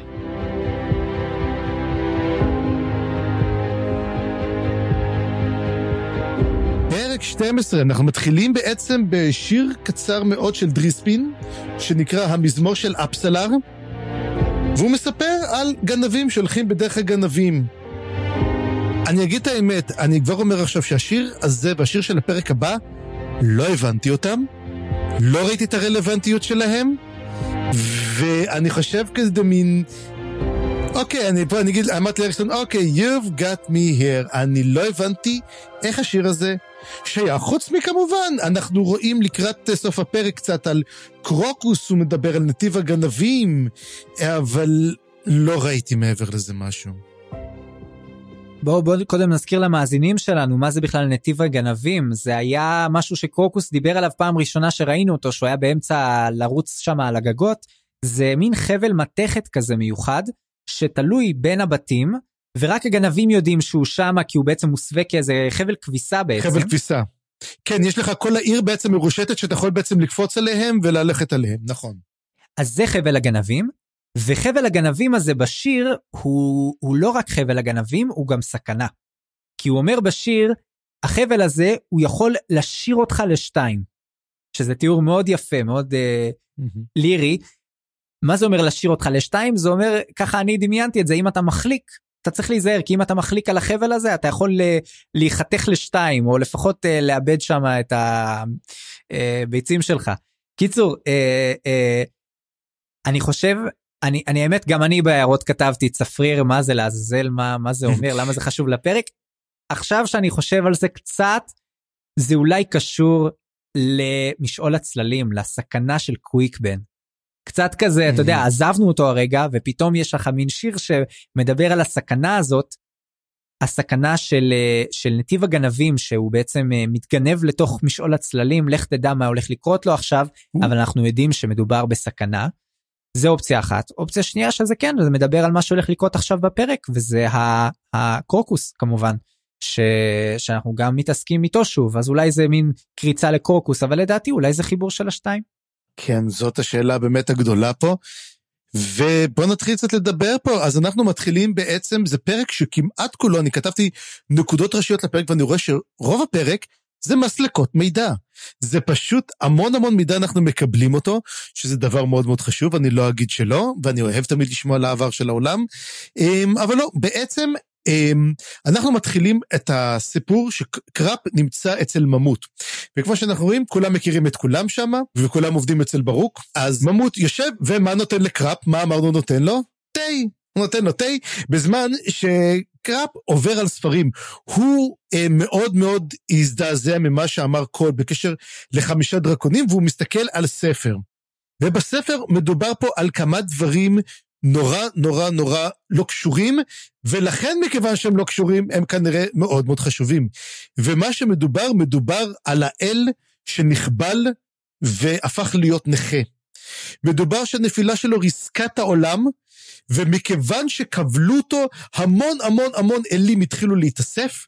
הוא מדבר על הוד, שהתאסף שם, ועל עוד אחד, הוא מדבר על דסמברה. דסמברה היה בעצם הלוחם של הוד, אבל הוא באותה הזדמנות גם ניפץ את השלשלאות, אבל גם באותו מקום גם הגיעו הטיסטה אנדי, מתוך האפלה, מהמקום לפני שהאור היה קיים, חמישה דרקונים שחורים, ואיתם סילנה האדומה בניב היורד מהשחקים. עכשיו, זה אחלה תיאור קודם כל של היסטוריה עתיקה של מה קרה שם, מי זה האל הזה שהתרסק, מה עשה שם הוד, מה זה הדסמברה הזה, מה הקשר לטיסטה אנדי, זאת אומרת, הם כבר בתקופות מאוד מאוד עתיקות, וכן, הם הגיעו כחמישה דרקונים שחורים, ודרקון או דרקונית, אני מאמין דרקונית אדומה, סילנה, והם ירדו בניב היורד מהשמיים, וקראפ שואל, מדובר על נצר הירח? זאת אומרת, הם באו עם נצר הירח? ואין לו מושג איך קול ידע את זה. זאת אומרת, קול הוא לא מלומד גדול. זה ספר ממש היה צריך לנבור בספרייה של ממות, והוא מצא את זה, והוא עצמו לא ידע את זה. וזה אומר לכן, מי דיבר דרכו? זאת אומרת, אתה יודע, הוא הפך להיות כלי. מישהו מסר להם את המידע הזה. וזה אחד הדברים שנחמד, וכמו שאמרתי, האלים מתערבים. ולמה רוצ... הם צריכים לדעת את המידע הזה, וכשהם לא יודעים את המידע, אז יש דאוס אקס מכינה, והאלים אומרים, אה, כן, אתה לא יודע, אז בוא נסביר לך, זה חמישה דרקונים שעשו את זה. ואז שבא ממות ושואל אותו, תגיד לי, את מי אתה מחפש? הוא אומר, אני מחפש את סבתא שלי. בספרים, זאת אומרת, הסבתא שלו כן מפורסמת. מזה, כי ממות לא, לא, לא אומר, לא, נו, נו, באמת, הוא באמת מקבל את זה, אז אני חושב שסבתא שלו זה אולי באמת אלברס הזאתי, אבל uh, עדיין, תיאוריה. או שהוא מקבל את זה ש... שקראפ פשוט לפעמים משוגע, והוא מקבל את מה שהוא אומר כי הוא לא רוצה להתווכח עם משוגע. אבל אני רציתי אגב להציע פה למלאכת התרגום, לקרוא לו האל המומם. מומם. אני לא יודע אם זה בעברית. במקום נכה, אה, זה נראה לי קצת יותר אה, מרשים. כן, הפילו בו מום, הפילו בו מום וכבלו אותו, אבל לא ידוע, אה, הוא גם השמיד, גם אומרים שבאגרופים שלו הוא השמיד, הוא ריסק את העולם. הוא ריסק יבשות באגרופים שלו, זה וואחד מלחמה. עכשיו, איזה אל זה? אני חושב שגם אחד מהספרים נקרא The Crippled God, אז בכלל יכול להיות שזה דמות חשובה. העשירי, הספר, הספר האחרון. העשירי, וואו. כן. אוקיי, אז כנראה שזה כן חשוב, אני לא יודע, זה כאילו קצת, סליחה שאני אה, עושה פה מטא, אבל אני באמת לא קראתי את הספרים, אבל, אבל זה, אתה יודע, כשאתה רואה אותם על המדף, אז יש לך The Crippled God מול העיניים, מה אני אעשה? נכון. ועכשיו אנחנו אה, ממשיכים, ממות קודם כל אה, מתעניין קצת, הוא מתחיל לדאוג לגבי קרוקוס, קודם כל כי הוא פתאום אה, רוצה ללמוד, וזה קצת חריג. אז הוא שואל אותו, מה קרה, הכל בסדר? כאילו עם קרוקוס, אז אתם שומרים עליו, הכל טוב? כן, ואז פתאום אמ, ממות תופס את הראש שלו, רגע, רגע, רגע, מקבל הודעה מברוק, אומר, תשמע, אני צריך לעשות מחקר, ואתה לך לברוק, הוא צריך אותך.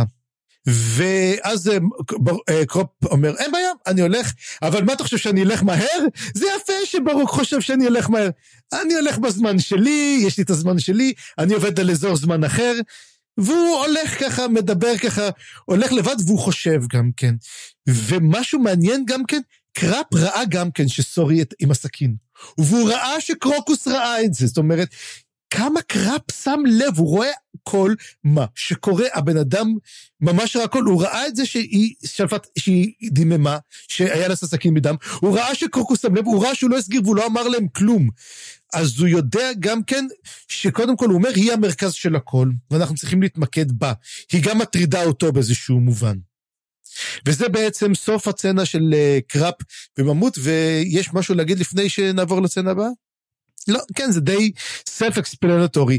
אבל בפעם הבאה אנחנו בעצם חוזרים לדבר עם קרון. קרון חוזרת, אה, קצת אה, שרופה, הייתי אומר, עדיין חרוכה, קצת עולה ממנה שם. צלויה קלות. צלויה היטב, כן. כן, קרון בגריל, והיא באה לבקר את ברוק. ואז היא אומרת לו, תשמע, אני חוזרת כרגע מהנומן דירק, ראיתי משהו, והוא אומר, לספר לך, ואז היא מספרת על, על הבובה שהורגת את העורבים, והיא יוצאת דרומה לגבעות גדרובי. עכשיו היא אומרת, אנחנו לא יודעים, אנחנו זרים במקום, ולכן הנומן דירק רוצה לדעת מה יש שם. ופה מעניין בעצם לדעת כמה דברים. קודם כל, יש ברית. אה, ברוק כרת ברית עם נצר הירח, זאת אומרת, אנחנו לא ידענו אם כן או לא, הוא קיבל את ההצעה הזאת, בעצם הקבל כן כרת ברית, אבל התקשורת ביניהם זוועה. זאת אומרת, מאז הנומן דרייק לא מגיע, אין העברת תקשורת, רק בעצם רייק רוצה מידע. והוא בא לברוג, הוא אומר לו, תביא לי את המידע, והוא לא מגיע בעצמו, הוא שולח את קרון שעושה את זה, והוא לא, מאוד לא מרוצה ממנו, ממש מדבר אליה ככה, כאילו, אם הוא רוצה שיבוא לבד או משהו כזה, גם כן. אז עכשיו, ברוק אומר כן, אני יודע על מה הם מחפשים, הם מחפשים את השמועה בעצם. בגבעות אלו יש עריץ ג'גהותי. הוא אומר, יש אדם אחד בדורוג'יסטן שיש לו את כל המידע. אני חושב שהוא מדבר על ממות. הוא לא אומרים, מי זה אומר, יש את הכל לבן אדם, והוא אומר, אני אתן לו לעבוד על זה. ואז כשהוא יוצר את הקשר, בעצם זה מה שראינו, הצנות משתלבות, ובעצם הם, הוא יוצר קשר לברוק, לממוד, ואומר לו, לך תחקור יותר על המידע. ואז הוא בעצם אומר את מה שדיברנו על האבן, מה שמביא את זה לאבן הרש. שהוא אומר, כן, מה שמוצאים שם, יש אבן, כמו אובליסק, שקבור בתוך האדמה, ורק הקצה שלו מבצבץ. הוא בעצם ענק, אבל רק רואים את הקצה שלו, אבל הוא למעשה לא קבור שמה, הוא אומר, זאת רק ההתחלה, זאת נקודת ההתחלה, יש מין כמו מבוך או מין חידה מאוד מאוד מורכבת בשביל להגיע לקבר של העריץ, וכולם חפרו שם, כולם, כולם הלכו וחפרו מסביב למקום הזה ולא מצאו כלום. אבל הוא אומר, אני יודע איפה הוא קבור הג'גותי, אבל אני מוכן לתת לכם רק את נקודת הפתיחה, ולא את נקודת הסוף, כי אני, א', לא מוכן שהנומן דירק יגיע קרוב, 50 אה, פרסה לעריץ הג'גותי הזה, ודבר אחר, אתם בין כה וכה, אם המלאזן הולכים לשם בשביל לעשות את זה, אתם תפגשו אותם שם. אתם לא צריכים ללכת לקבר האמיתי. זאת בעצם הנקודה שאליה הכל יתאסף, שזאת בעצם האבן הזאת. כן, וכמו שאמרת, זה, מס, זה באמת האבן שדובר עליה מקודם בפואמה, על אבן הרש, ואני חושב שנייה על מה זה אומר שהיא קבורה שם. אבן הרש באמת היא לועגת, היא לועגת לרש, היא בעצם אומרת לכל האנשים, אתם חיפשתם את, ה, את הג'גהותי, את הקבר שלו, את האוצרות ואת הכוח שלו, אני פה, הנה, תסתכלו, הנה, ובעצם אין שם כלום.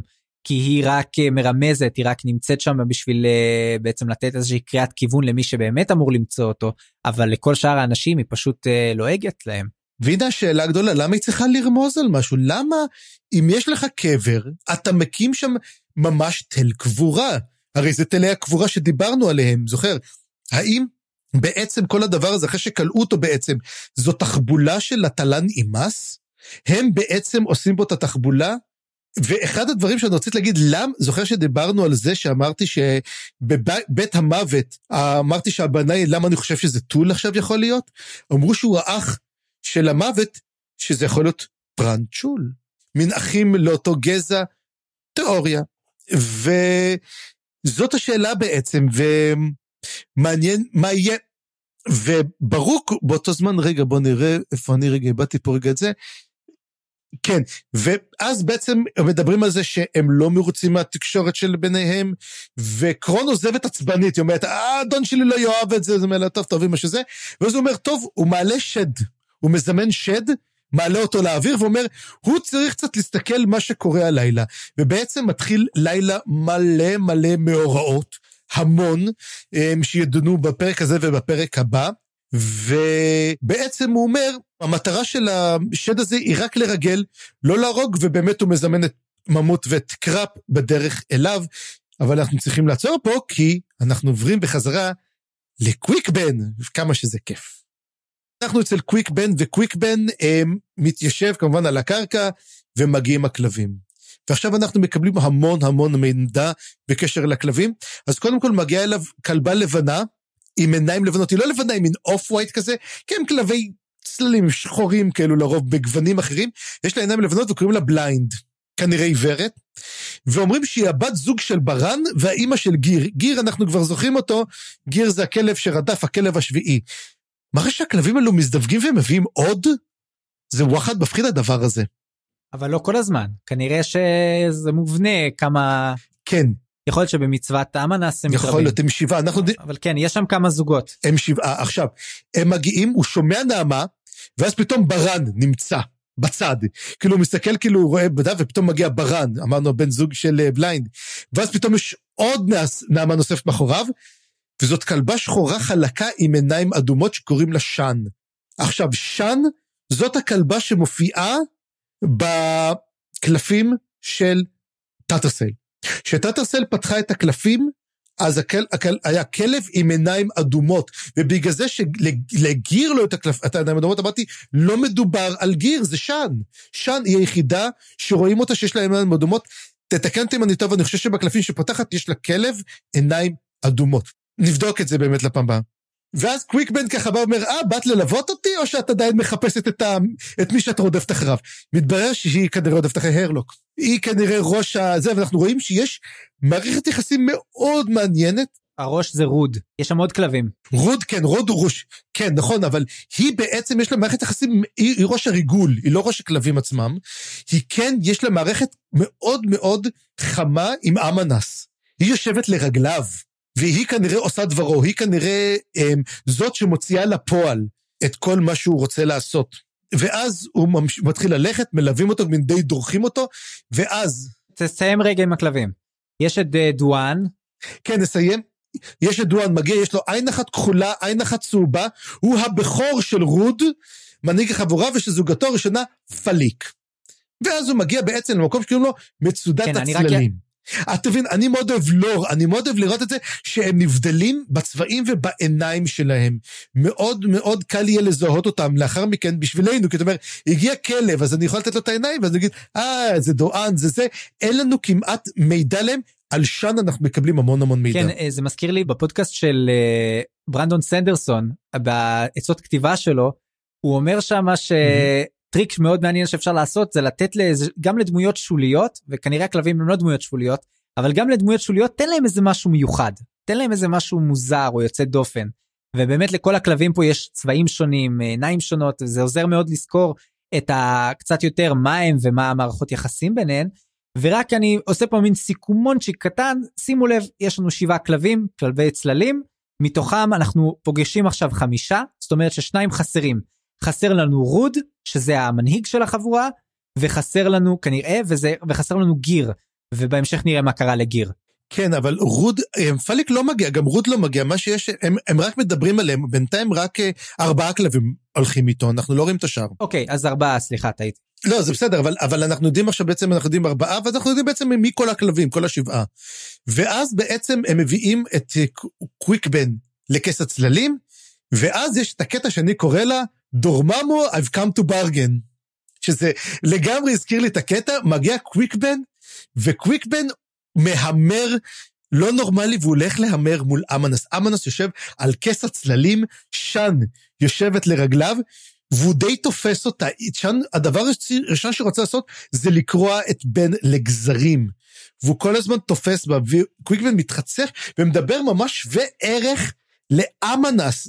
אמנס זה אל, וקוויקבן ממש מדבר. ומה שכן, אנחנו מגלים המון המון המון דברים. קודם כל, קוויקבן מגלה שהוא בעצם היה כהן של אמנס. הוא חושף את העובדה, הוא אומר, אני הייתי, אומר לו, וואי, אתה היית יכול להיות כהן טוב שלי. הוא אומר, הייתי כהן שלך וכזה. מה? ואז הוא אומר, אתה עזבת ואתה חי? ואז הוא אומר, או, ועכשיו אנחנו באים למטרה לשמה התכנסנו. קוויקבן יש לו חוזה על הראש מכל מי שכהן צללים. ופה אנחנו רואים בעצם שקוויקבן בא לעשות פה מה שנקרא עסקה. ובאז הוא מתחיל ככה לשאול, רגע, איפה גיר, מה קרה, מה נמצא? הוא חי עדיין? ואז הוא אומר לו, כן, הוא עדיין חי, גיר עדיין חי, הוא ניצל מהמכה שנתן לו פארן. הוא אומר לו, קוויקבן, אתה יודע מה, אני מוכן לתת לך את מי שפגע בגיר וגרם לו לזה. אז הוא אומר לו, אומר, אני לא יכול לגעת בו. הוא פה כבר טען עליו בעלות, זאת אומרת, יודעים כבר שפארן חי. בעצם זה מעניין, פארן ידוע שהוא חי. הרי אמרנו לפני זה שקוטיליון הרי יושב אצל סורי, וסורי אמרנו לא יודעת מפארן, והיא חושבת גם שפארן מת. אבל הוא יודע שפארן חי. אמנס יודע שפארן חי וקוטיליון לא יודע את זה. יש מידור פה? זה מעניין.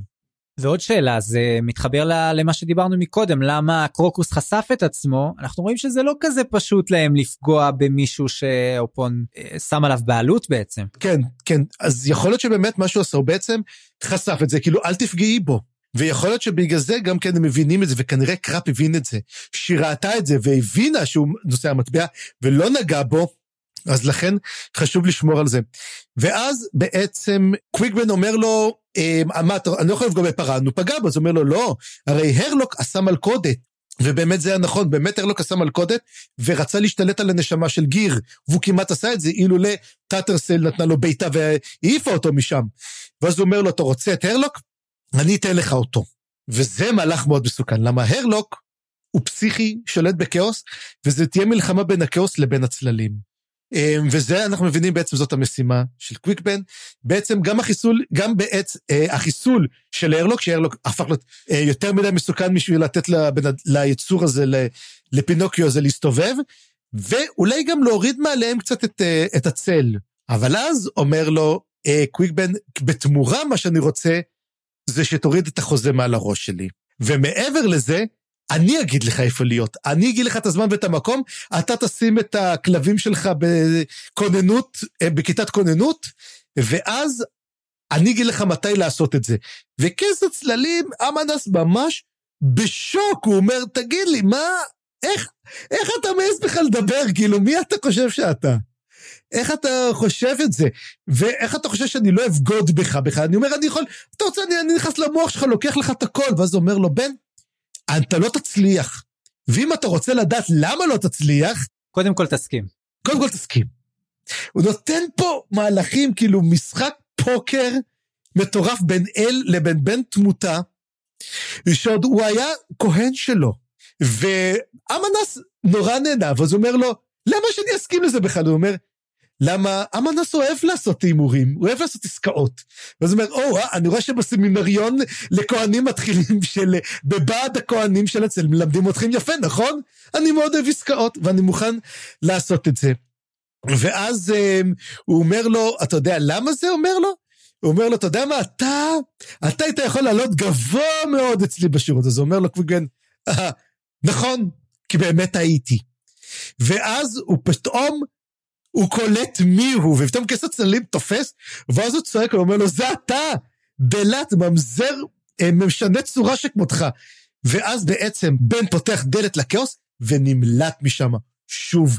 ופה רגע אנחנו עוצרים, כי זה היה קטע ממש לא נורמלי, ואני רוצה רק להעלות שאלה אחת.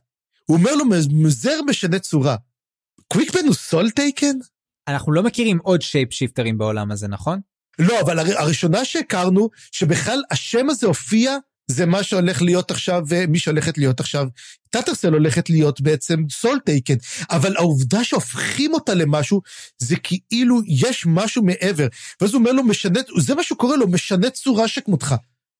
אז יכול להיות שבעצם, קוויקבן הוא נשגב? או, או Soletaken? או whatever שזה? אופציה נוספת, לא, לא הכי אלגנטית, אבל זה גם יכול להיות סתם תיאור אה, ציורי, כאילו figuratively. אני בדיוק, אתה יודע, אתה צודק לגמרי ואני חשבתי על זה, אבל הרי בגלל זה אמרתי, אני מקשר, מקשר את זה לפרק הקודם. הרי קוויקבן יכל לבחור כל צורה שהוא רוצה, והוא בחר איך שהוא נראה באמת. הוא לא מסתיר את מישהו, אז הוא לא משנה צורה. ואני חשבתי על זה, אמרתי, בטח, הוא יכל להופיע איך שהוא רוצה, אבל הוא מגיע כ- כעצמו. אבל אם הוא שייפ שיפטר באמת, על באמת, אז איך שהוא נראה באמת, זה לא איך שהוא נראה באמת, כי בוודאי כשהוא ברח וניסה לש... ושינה את השם שלו, הוא בוודאי גם שינה את המראה שלו אם יש לו את היכולת הזאת, לא? הרי הוא, ב... הוא בזהות בדויה בעצם. כן, אבל אתה יודע משהו? אנחנו, בפרק 13 אנחנו מגלים את השם האמיתי שלו, של קוויק בן, וזה בן. זאת אומרת, הוא לא שינה את השם, השם שלו באמת בן, רק הוסיף את הקוויק. קוויק, אה, נו באמת, או שבאמת בן זה שם מאוד מאוד מפורסם ואתה כאילו עושה את זה, אבל זה מין worst, אה, אה, אתה יודע, אליאס אבר, אתה אומר כאילו, בן הידוע בכינויו, בן, כאילו, הוא לא שינה הרבה, הוא לא שינה את ה... לא יודע כמה הוא שינה, אני חושב שהוא די מתגאה בזה שהוא hidden in plain sight, הוא כאילו אומר, זה מי שאני, זה מה שאני, וגם כן מראה כמה אמנס לא כל כך מחובר. הרי כן, הוא היה הכהן הראשי שלו, אולי אפילו ראש הכהנים, אנחנו לא יודעים בדיוק מהו, ולמעשה הוא לא ידע עליו. הוא, הוא לא ידע שזה הוא בכלל. מראה שהוא לא כזה שומר כל כך על הכהנים שלו, הוא לא כך יודע מה קורה. וזה גם קולבק לכמובן טאטרסל שפוגשת את הדבר הזה והיא אומרת מה זה זה אחד הקוסמים החזקים ביותר שפגשתי איך, איך לא שמעתי עליו לא שמעת עליו כי הוא באמת uh, בשם בדוי. נכון ואנחנו גם מגלים אני חושב פרק הבא מגלים גם כן למה באמת אנחנו לא יודעים מי הוא אז אוקיי אנחנו חוזרים בעצם לקראפ בעצם אנחנו סוגרים את הסיפור עם קוויקבן ואנחנו מגיעים לקראפ שמגיע לברוק בסוף סופו של דבר הגיע לברוק. ברוק דרך אגב מהיר על זה אומר נו באמת לקח לך זמן? יפה כאילו נהנית מהטיול שלך בדרוג'יסטן? אז הוא אומר כן נהניתי. והוא מתחיל מגיע לברוק ואומר לו שהוא ממשיך אה, לשמור על נושא המטבע אבל הוא מסתיר את העובדה שהוא זיהה את המלאזנים הוא לא מספר לברוק את העובדה הזאת ואז אומר לו קראפ תשמע אני מוסר לך הודעה מהצלופח מראה שגם קראפ עובד תחת הצלופח. עכשיו השאלה עצמה, מי זה הצלופח? כי הרי הצלופח הוא לא ברוק, כי אחרת הוא היה צריך למסור לו הודעה. האם זה ממות? יכול להיות. למרות שהוא אומר שהוא מתחיל לספר לו סיפור, שמעתי את ההודעה מהילד הכי קטן שראיתי, וברוק ממש אין לו סבלנות, אומר, טוב, לפחות הוא היה ילד קטן, כאילו, הוא מבין, אוקיי, אני לא רוצה לעצבן את ברוק, שזה דרך אגב פעם יחידה שבאמת הוא די שובר קרקטר כזה, אוקיי, הבנתי שאני מגזים פה. אה, לא, לא, לא, לא, לא, זה, זה בדיוק מראה שהוא, זה בדיוק הקרקטר, כאילו מעניין אותו עכשיו אם זה ילד קטן או קטן מאוד. אה, זה כאילו ההוא שהוא לא, לא מודע לעצמו, לא מודע למוזרויות שלו, זה זה זה. כן, הוא מודע היטב למוזרויות שלו, ואז הוא אומר, ואז הוא אומר, הודעה מהצלופח, הבט לרחובות כדי למצוא את אשר אתה מחפש. ודוגרי, הוא אומר, זה המלזנים פה, והם נמצאים ברחובות. אז מראה שקראפ פועל בניגוד לעמדת הצלפח. והוא לא מודע, אבל הוא מודע להודעה, הוא לא מודע להודעה הזאתי. אז למה קראפ אומר לו, אני לא אספר לו על המלזנים, ואז הוא מוסר הודעה שאומרת לו, תסתכל לרחובות, כי נמצאים שם. הוא מתחמן את המתח... אה, כאילו זה תחמון על גבי תחמון, כאילו.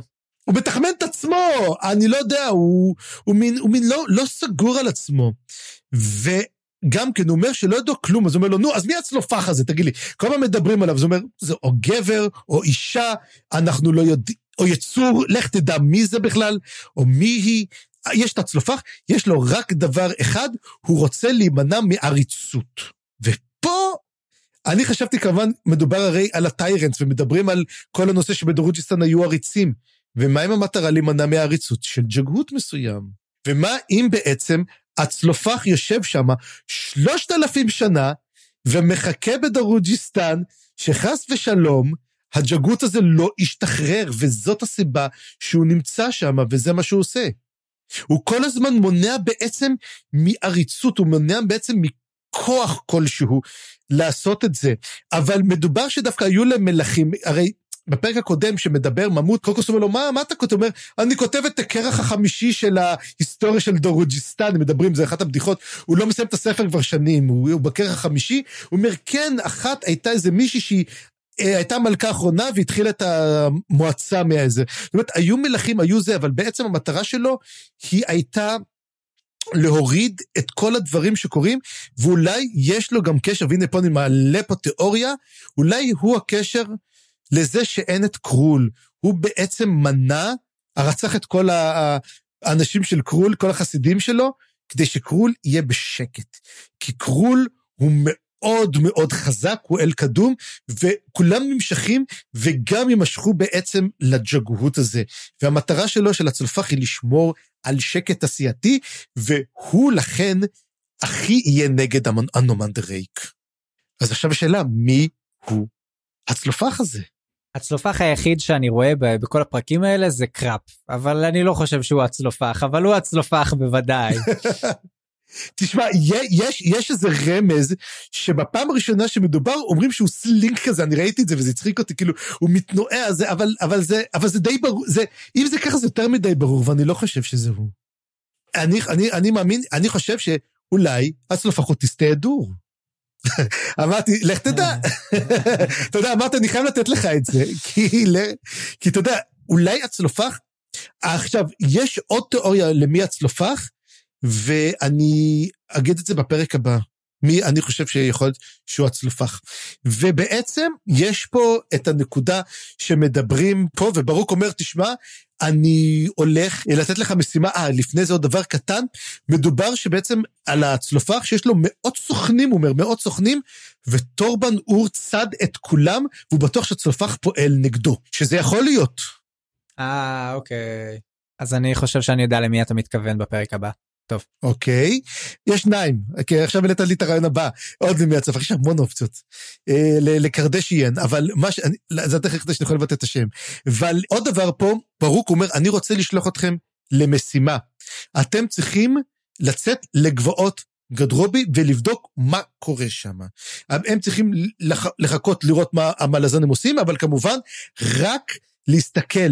אנחנו רואים פה שבעצם, אה, שים לב שברוק, מין שולח אותם רק לצפייה, הוא שולח את השד לתצפת, הוא שולח אותם, מסתכל, אומר, אל תעשו כלום, וקחו איתכם את קרוקוס, למה צריך, תשמרו עליו, אני לא יכול להשאיר אותו לבד. הוא אומר להם, תשמעו, אם המזל של קרוקוס הולך להשתנות, אתם צריכים להרוג אותו. וקראפ ורליק כבר דיברו על זה. ו- וזה דבר מאוד מצמרר, כי הם כבר דיברו על זה, כמו אה, קרוקוס כזה, הם חברים וכולם טוב וזה, ויש להם פקודות להרוג את קרוקוס, והם מוכנים לעשות את זה. והם מסתירים ממנו את העובדה הזאת. זה היה הקטע בעצם, לפי דעתי, שאמרתי, קראפ הזה הוא חסר לב. הוא מנסה לעזוב וכל זה, אבל הוא, לא תהיה לו בעיה להרוג את קרוקוס בשעתו. וגם לרליק נום. למרות שרואים בהמשך, גם כי בפרק הבא גורם שרליק נום, הוא מנסה להגן עליו, ולא מנסים, למה להגן עליו? הוא אומר לו, מה, לא, רליק נום לא רוצה להרוג את קרוקוס, הוא מנסה למנוע בעצם את עובדה שהוא יצטרך להרוג אותו. ואנחנו חוזרים בעצם לקוויק בן.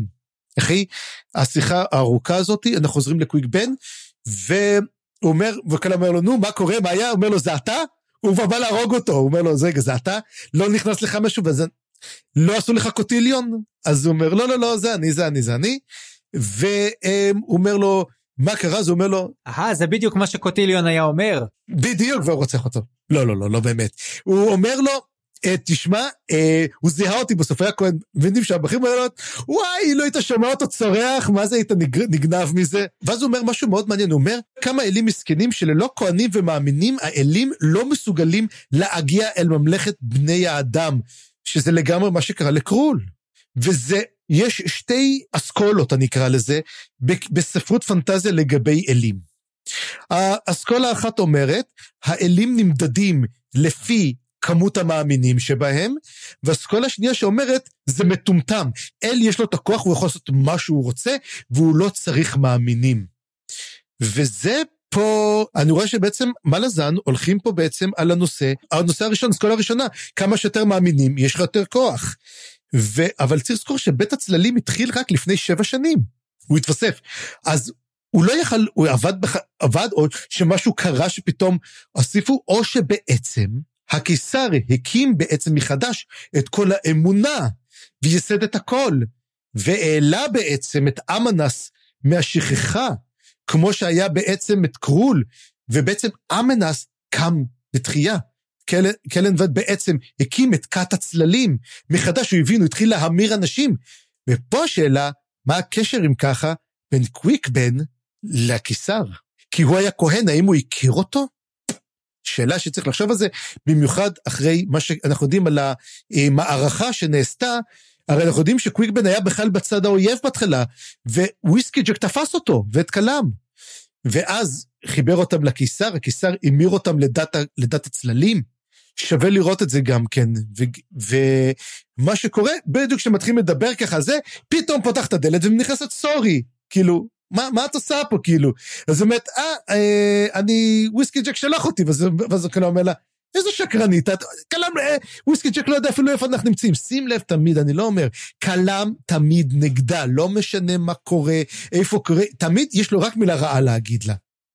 אני לא ראיתי אותו אומר אפילו חצי קוויק בן, אולי קצת מדי פעם פה שם, הוא בפרצוף, קלם שונא אותה ברמות קשות.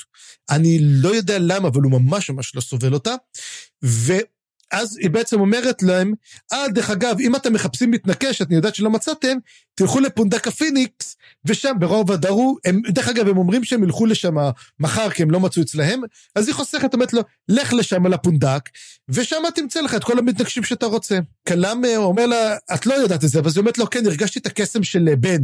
הוא עשה קסם כל כך כל כך חזק, שהרגשתי את זה. ואז בן אומר, נכון, נכון, נכון, נכון. והיא עוזבת. ואז אומר, ואז אומר בן, כן, זה בדיוק מה שחשבנו, כן, זה קוטיליון. לגמרי קוטיליון. כאילו, הם ידעו את זה, הם הסיקו את זה מראש כבר, אבל זה נכון, כי אומרת, הם הסיג... אומרים, רק אומר מי שבעצם יש לו קשר לצללים, מסוגל להרגיש את קסם הצללים. ופה זה מעניין, כי קסם הצללים זה כנראה מין משעול אחר לגמרי. שרק מי שיש לו יודע להרגיש את זה, וכנראה גורם לכאבי ראש. זה כנראה הקסם של הצללים הזה. ובעצם הם מבינים ש... ואז היא אומרת, אני, ובעצם כמו שאומרת, סורי, ביי, הלכתי, יש לי משימה, והיא הולכת. וכמה שאומרים, עכשיו אני רק, אני חייב לתת פה איזה ספוילר קטן, לא ספוילר, בכלל לא ספוילר, שאחר כך בדיעבד שמדברים על זה, בעצם אומר, כלם אומר, וואלה, היא לא שיקרה לנו, היא באמת הייתה משימה. כי וויסקי ג'ק מדברת, אומר, אומר, הייתה משימה, אני שלחתי אותה, אז אומר, וואלה, היא לא שיקרה לנו? וזה נורא מוזר, וזה פעם ראשונה שכלם break character, ואומר, היא סיפרה לנו את האמת, אולי זו הפעם הראשונה, מה שמראה קצת על הסדקים אצל סורי. אז שווה לראות את זה גם כן. ואנחנו בעצם מגיעים לרליק נום, רליק נומן המתנקש הידוע, והוא מסתכל והוא רואה את כלם, הנה באמת כלם, הולך על הטיפ שסורי נתנה לו, והוא נכנס לפונדק. וזה קטע נורא נורא מצחיק. כי בעצם, הרי מה המטרה של כלה, של רליק נום? זה להיראות כמו מתנקש, כדי שבעצם מי שרוצח את כל המתנקשים יזהה אותו. מה עושה כלם? הוא בא כמתנקש, ואז אומר, רגע, רליק נום, רגע, מי, מי זה הבן אדם הזה? רגע, הוא, הוא הפיציון החדש? הוא ממה לזן? מה, מה הולך פה? הוא לא מבין מה הסיפור פה? ועכשיו, מה שכן מעניין, מתברר שאנשים מהדרום של גנבקיס מקלוס, מדברים הרבה על קלוס שיש שם קפה טוב, ובדרום יש אותו במפה דרך אגב, מצד uh, מערב על הים, הם אנשים שחורי עור. אז זה מעניין, הוא אומר, או משם או משבע ערים, אבל הוא אומר, הוא מרגיש לי מלזני, הוא לא מרגיש לי מקלוז. אז הוא אומר, רגע, מה, אוסלוט עושה את זה? ואז um, הוא עושה מין, uh, הוא הולך דרך המטבח, יוצא החוצה, והוא פוגש את אוסלוט ואומר לו, כן, הוא לא מישהו שלי, זה בעצם, המל... זה בעצם מלזני, או מישהו בא לחסל אותנו, הנה, זה הוא, תוביל אותו למחסן. ואז הוא אומר, יופי, אני נכנס, חוזר, ומה? וכלם כבר לא נמצא שם, כלם כבר נעל... כלם נעלם.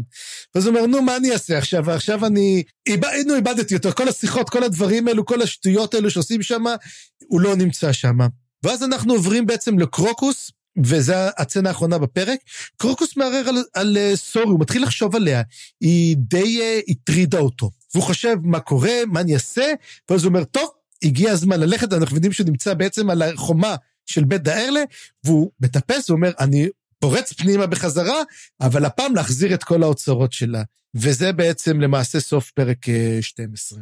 אז לסיכום אני יכול להגיד שזה פרק אה, די, די, אה, די מגניב, כל הסיפור, במיוחד אני אהבתי את הקטע של קוויקבן בעולם הצללים, ואמנס, ואמנס הוא מצטער כטיפוס לא שפוי כל כך. אגב, הייתי רואה את הסדרה, את הסדרה המצוירת, הייתי רואה. קוויקבן בעולם הצללים. לגמרי, אני הייתי שמח לראות את זה אפילו, אפילו אמנס קוטיליון, ככה לראות את כל ההרפתקאות שלהם בעולם הצלילים עם הכלבים שלהם, כמו סקובי דו וכל אלו. כן מה שמזכיר ששאן, דבר אחד קטן, שכחתי להגיד את זה, שאן יושבת לרגליו, וכל פעם שקוויקמן קצת יוצא, בוא נגיד, מתחצף, הוא תופס את שאן, כי שאן באה לאכול אותו. בפעם האחרונה כבר הוא לא תופס אותה. היא כבר נותן לה להתקרב אליו, הוא כבר מבין שיש לו פה, ושאן היא זאת שמופיעה על הקלף. האם יהיה לה קשר בעתיד? אני כמעט בטוח שכן. כן, ונקודה קטנה שפספסת אולי זה שכשהם אומרים אה סורי זה קוטיליון כשקוויפן וקאלאם אה, מדברים על זה אז הם גם אומרים אה, כן אנחנו צריכים לטפל בה אה, עכשיו זה עדיין לא הזמן אבל אבל כנראה הם כבר מתכננים איך הם הולכים להרוג אותה. יש להם כבר משימה להכל הם יודעים כבר הם די מבינים אנחנו רואים ש... תראה קוויקבן נכנס לגיהנום ויצא ממנו, לא כמו פארן שהיה צריך למות ועזרה של אלים ולצאת משם בעור שיניו. קוויקבן נכנס לגיהנום ויוצא משם נקי, מריח משושנים. ו... אז בוא נגיד, אני די סומך עליו. זאת אומרת, אם הם, יודע... הם כבר די הבינו שזה קוטיליון, הם כבר הבינו, יש להם מין תוכנית אחת גדולה איך לטפל בהכל. אבל אנחנו נראה בפרק הקרוב שגם סורי מתכננת כבר איך היא נפטרת מהם. אבל בנימה הזאת נמשיך לפרק 13.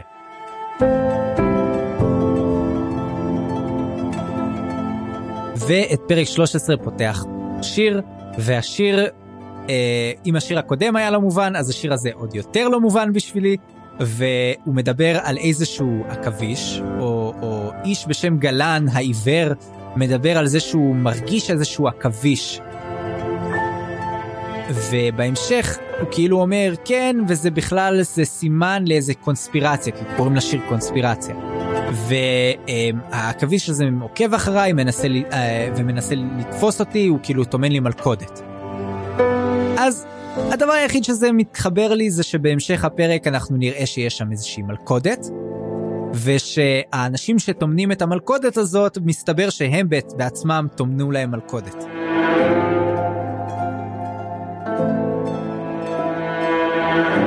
אז לא, יכול להיות שזה הקשר של השיר, זה נראה לי הסבר קצת פשטני, אבל זה הדבר היחיד שאני חשבתי עליו. מה אתה חושב?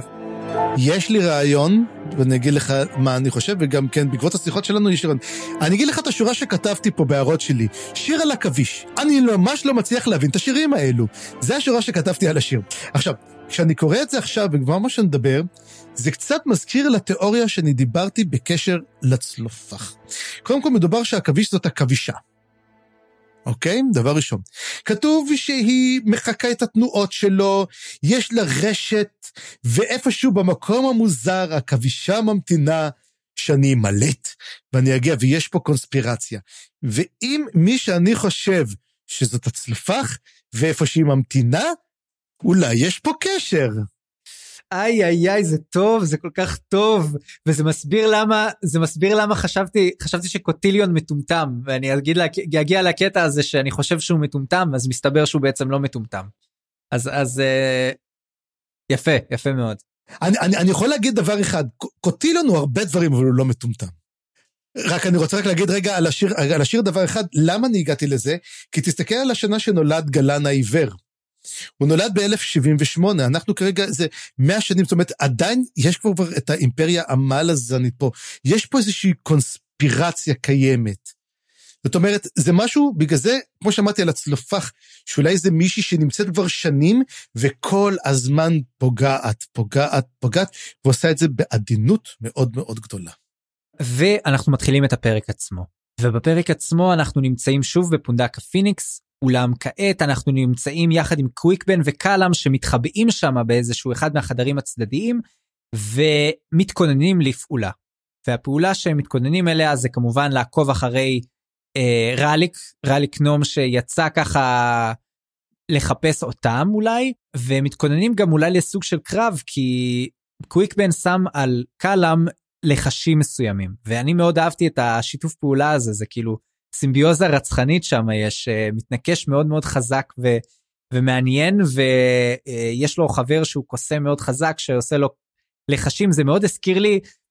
וואי לא אולי אה, אל תהרוג אותי אבל זה הזכיר לי את רייסטלין אה, איכשהו שם ברומח הדרקון שם שהוא כאילו משתמש בקסם שלו ככה גם ליפול כמו נוצה וגם נכון יש שם בספר הראשון אני חושב.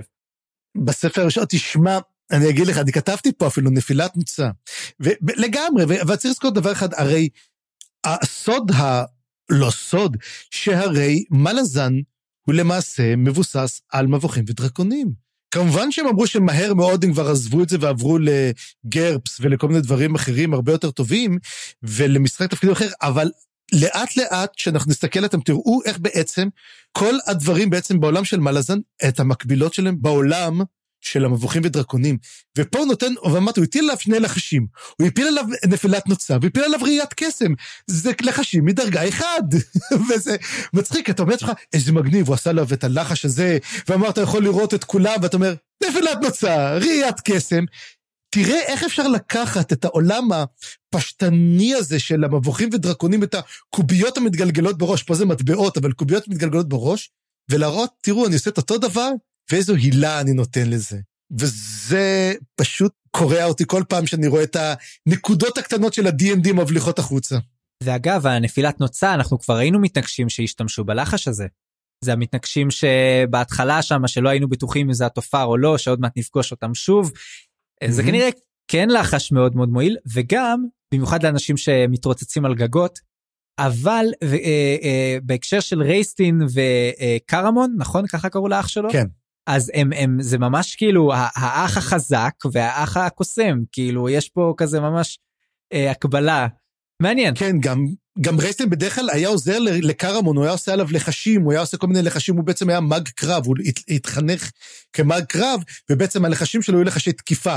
פה הוא באמת נותן לחשי גיבוי כאילו, מין מסייעת. כן. אבל זה כן הופך את קלאם למין מתנקש הרבה יותר חזק. כן, במיוחד שאנחנו נראה ש, שבאמת ה, היכולות שלו לא נובעות מאיזשהו קסם, אלא, אלא ממש מהיכולות הפיזיות המדהימות שלו. Mm-hmm. בכל מקרה, קוויקבן על עצמו שם לעומת זאת סוג של לחש הסוואה או, או אי נראות, שהוא אומר, אפילו אתה לא תראה אותי, אבל אתה תרגיש את העילה שלי, אתה תראה אולי קצת את העילה שלי, אבל אני לא אהיה נראה ל- ל- לאחרים, אבל אל תדאג, אני איתך אח שלי.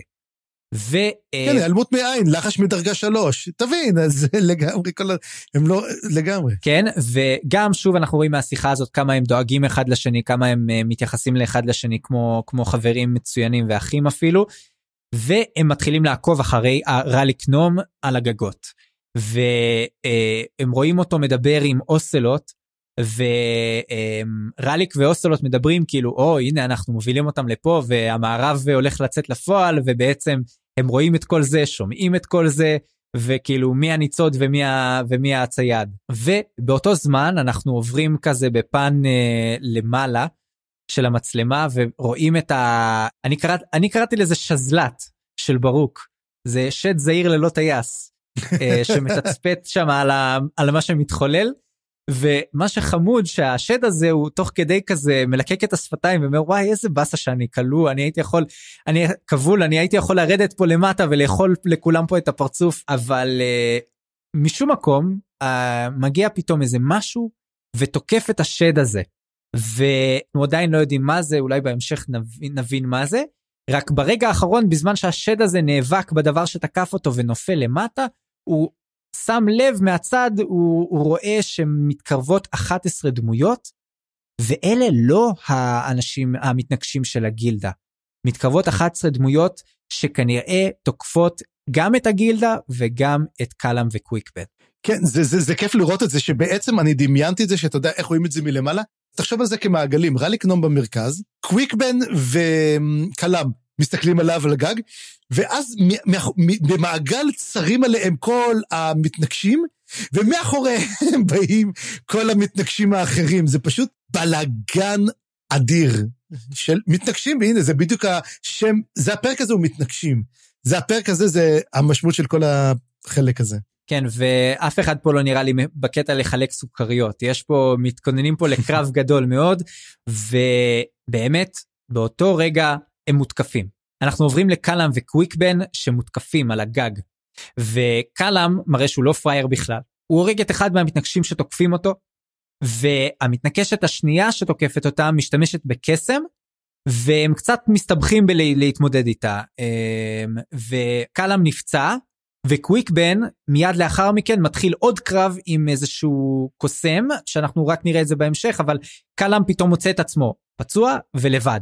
והוא ככה קולט בזווית העין הוא קולט את uh, קוויקבן מבליח פה ושם אז הוא קולט שיש פה איזשהו קרב קוסמים כנראה אבל הוא, הוא בעצם הם, הם מתפצלים קצת.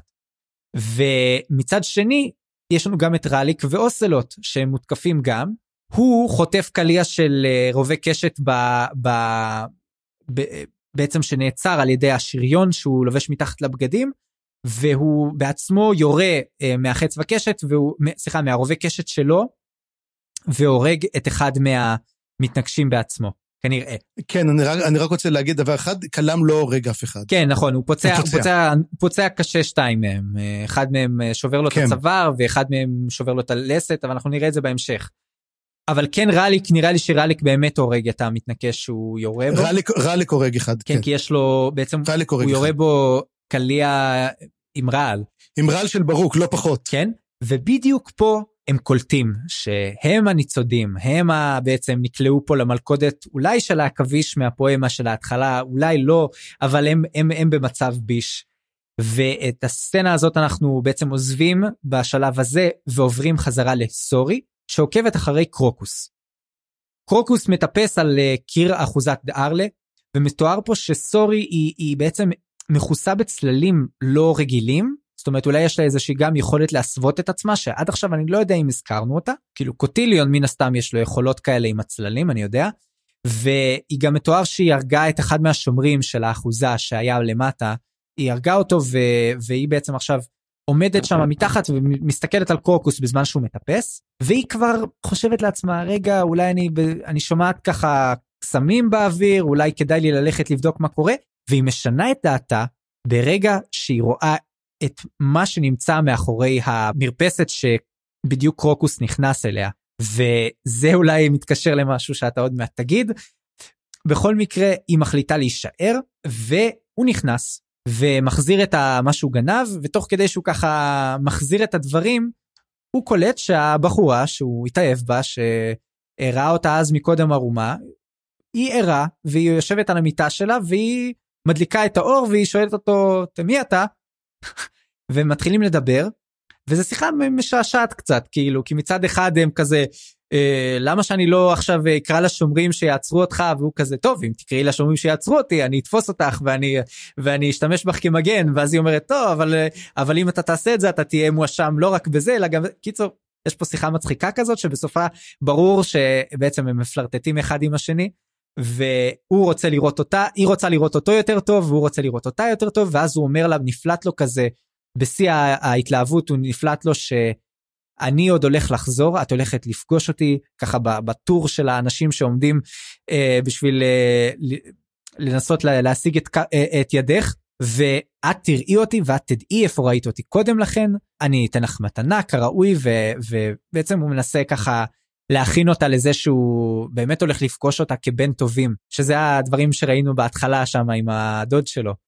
ואנחנו מגלים מה השם שלה שאני חושב שלזה גם התכוונת בהתחלה שזה צ'אליס כמובן מדבר על השיר שבתחילת החלק הרביעי שמתאר את המטבע שמתגלגל לו על uh, שפת הגביע וזו, וזאת אולי צ'אליס ש, שככה הולכת ללכוד ברשתה את הגנב המסכן המתגלגל של אופון.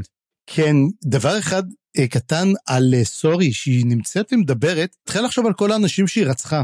אתם מתחילים לראות בעצם את הסדקים שלה, היא רוצחת את השומר הזה בסדר, ועומדת בגן ומסתכלת, ואומרת לו, כאילו, מה הוא עושה שם חצי שעה?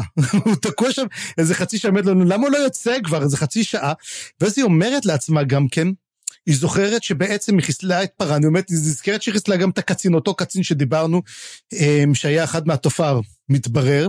והיא אומרת שהיא חיסלה... המפקד של טוק. המפקד של טוק, וגם היא אומרת שהיא חיסלה גם עוד אחרים בשביל להגיע לשורפי הגשרים, היא חיסלה פקודים אחרים של וויסקי ג'ק בשביל שיתפנה מקום, כדי שאפשר יהיה לקבל אותה לשם. שזה גם כן אה, לא, לא נעים.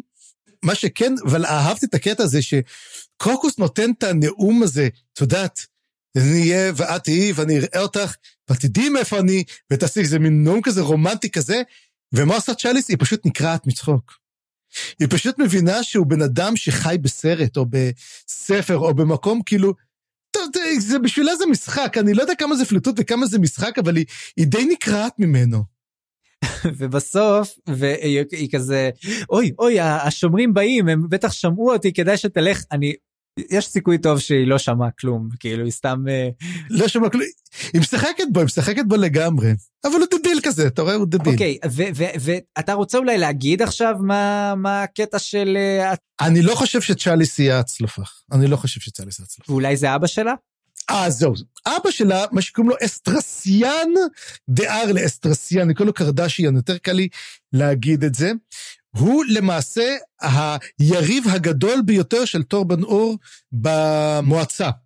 הוא זה שנגד בעצם כל הפלישה המלזנית, האם הוא הצלפח הוא אחת האופציות שלי בעצם, שזה הוא, אבל אני דווקא לא חושב שזו, אני, אני אלך איתך אחר כך למי אני חושב יותר.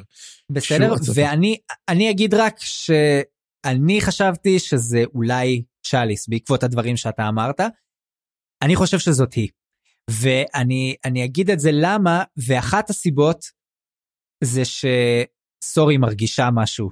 כשהיא מסתכלת על, ה, על, ה, על החלון, היא, היא אומרת, יש שם משהו חשוב. רגע, רגע, רגע, אני נשארת. אולי זה בגלל שהיא מרגישה מה אז... הולך לקרות שם. או יכול להיות שהיא מרגישה את... אה, יכול להיות, זאת אופציה, אבל אני חושב שהיא בעצם, היא ראתה את זה כי היא ראתה אותו מדבר איתה.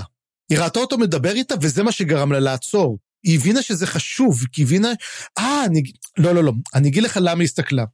הסיפור פה, זה סיפור ענק. למה יצא? כי אם היא גם אומרת את זה, היא מסתכלת, ולמה אנחנו יודעים בעצם מזה אסטרסיאן? כי סורי חושבת על זה. היא רואה אותם אחר כך, היא מסתכלת, היא רואה אותם מדברת, ואומרת, רגע, קרוקוס הוא של אופון. אופון מדבר עם צ'אליס, שתדבר עם אבא שלה, והססיאן בעצם גם שייך לאופון. הוא, גם הוא שייך לאופון, והוא בעצם מתנגד לאימפריה. ואז היא מתחילה להגיד, היא מתחילה להיכנס לסרטים. היא אומרת את זה אה, אחר כך, בהמשך הפרק, אז בוא, בוא נגיע לשם, אני, אני, אני רוצה להמשיך. זאת הסיבה, זאת הסיבה, כן, כן אבל זאת הסיבה שהיא נעצרת. כן, כן, כי כן. ראתה אותו מדבר, ואז התחילה לחשוב, אני בגלל זה לא חושב שצ'אליס היא כן, כן, אני קצת הקדמתי את המאוחר, אבל, אבל, אבל נראה, זה או היא או האבא שלה אולי, זה גם קשור. בקיצור, נדבר על זה, על התיאוריה הזאת. אבא שלה הוא מועמד ממש ממש טוב. ואז אה, אז קוקוס כזה נבהל, היא מבהילה אותו והוא הוא, הוא בעצם רוצה לצאת, ואז כשהוא יוצא מהחלון, הוא רואה שם למטה את סורי והוא מזהה אותה, וגם הוא קולט שאין שומר, שהיה שם שומר למטה וכבר אין את השומר, והוא ככה מצטמרר ושם נגמר החלק הזה. ואנחנו עוברים חזרה לקלאם. קלאם עכשיו מסתכל בעצם על קרב הקוסמים של, של קוויקבן והמתנקש הקוסם הזה. אגב, אני מציע פה אה, אה, חידוש לשוני, אולי נקרא להם מתנסמים. ווס? מתנסם, קוסם ומתנקש. אה. או קוסנקש, אבל קוסנקש נשמע פחות טוב ממתנסם. נחשוב על זה, נחשוב על אוקיי, זה. אוקיי, בסדר? זה, זה אלחם מוזר, כן. ובן די מתחיל להפסיד למתנסם הזה. הנה, הנה, הנה, הנה, הנה יש לי בשבילך, נקרא לו מתנשף. הוא גם מתנקש וגם, וגם מכשף. מתנשף. הוא המתנשף. כן, אבל מתנשף זה נשמע כמו משהו אחר, אז... אה, נו, וזה היופי פה. אוקיי, בסדר. יש לנו, חבוצ... יש לנו קבוצה של מתנשפים על הגג. אז, אז אתם, אה, מאזינים, אתם, אתם מוזמנים, אנחנו נעשה אחר כך אה, סקר ונשאל אתכם מה אתם מעדיפים. בכל מקרה, בן מתחיל די להפסיד לו, והם מנסים לברוח. ובדרך, ל...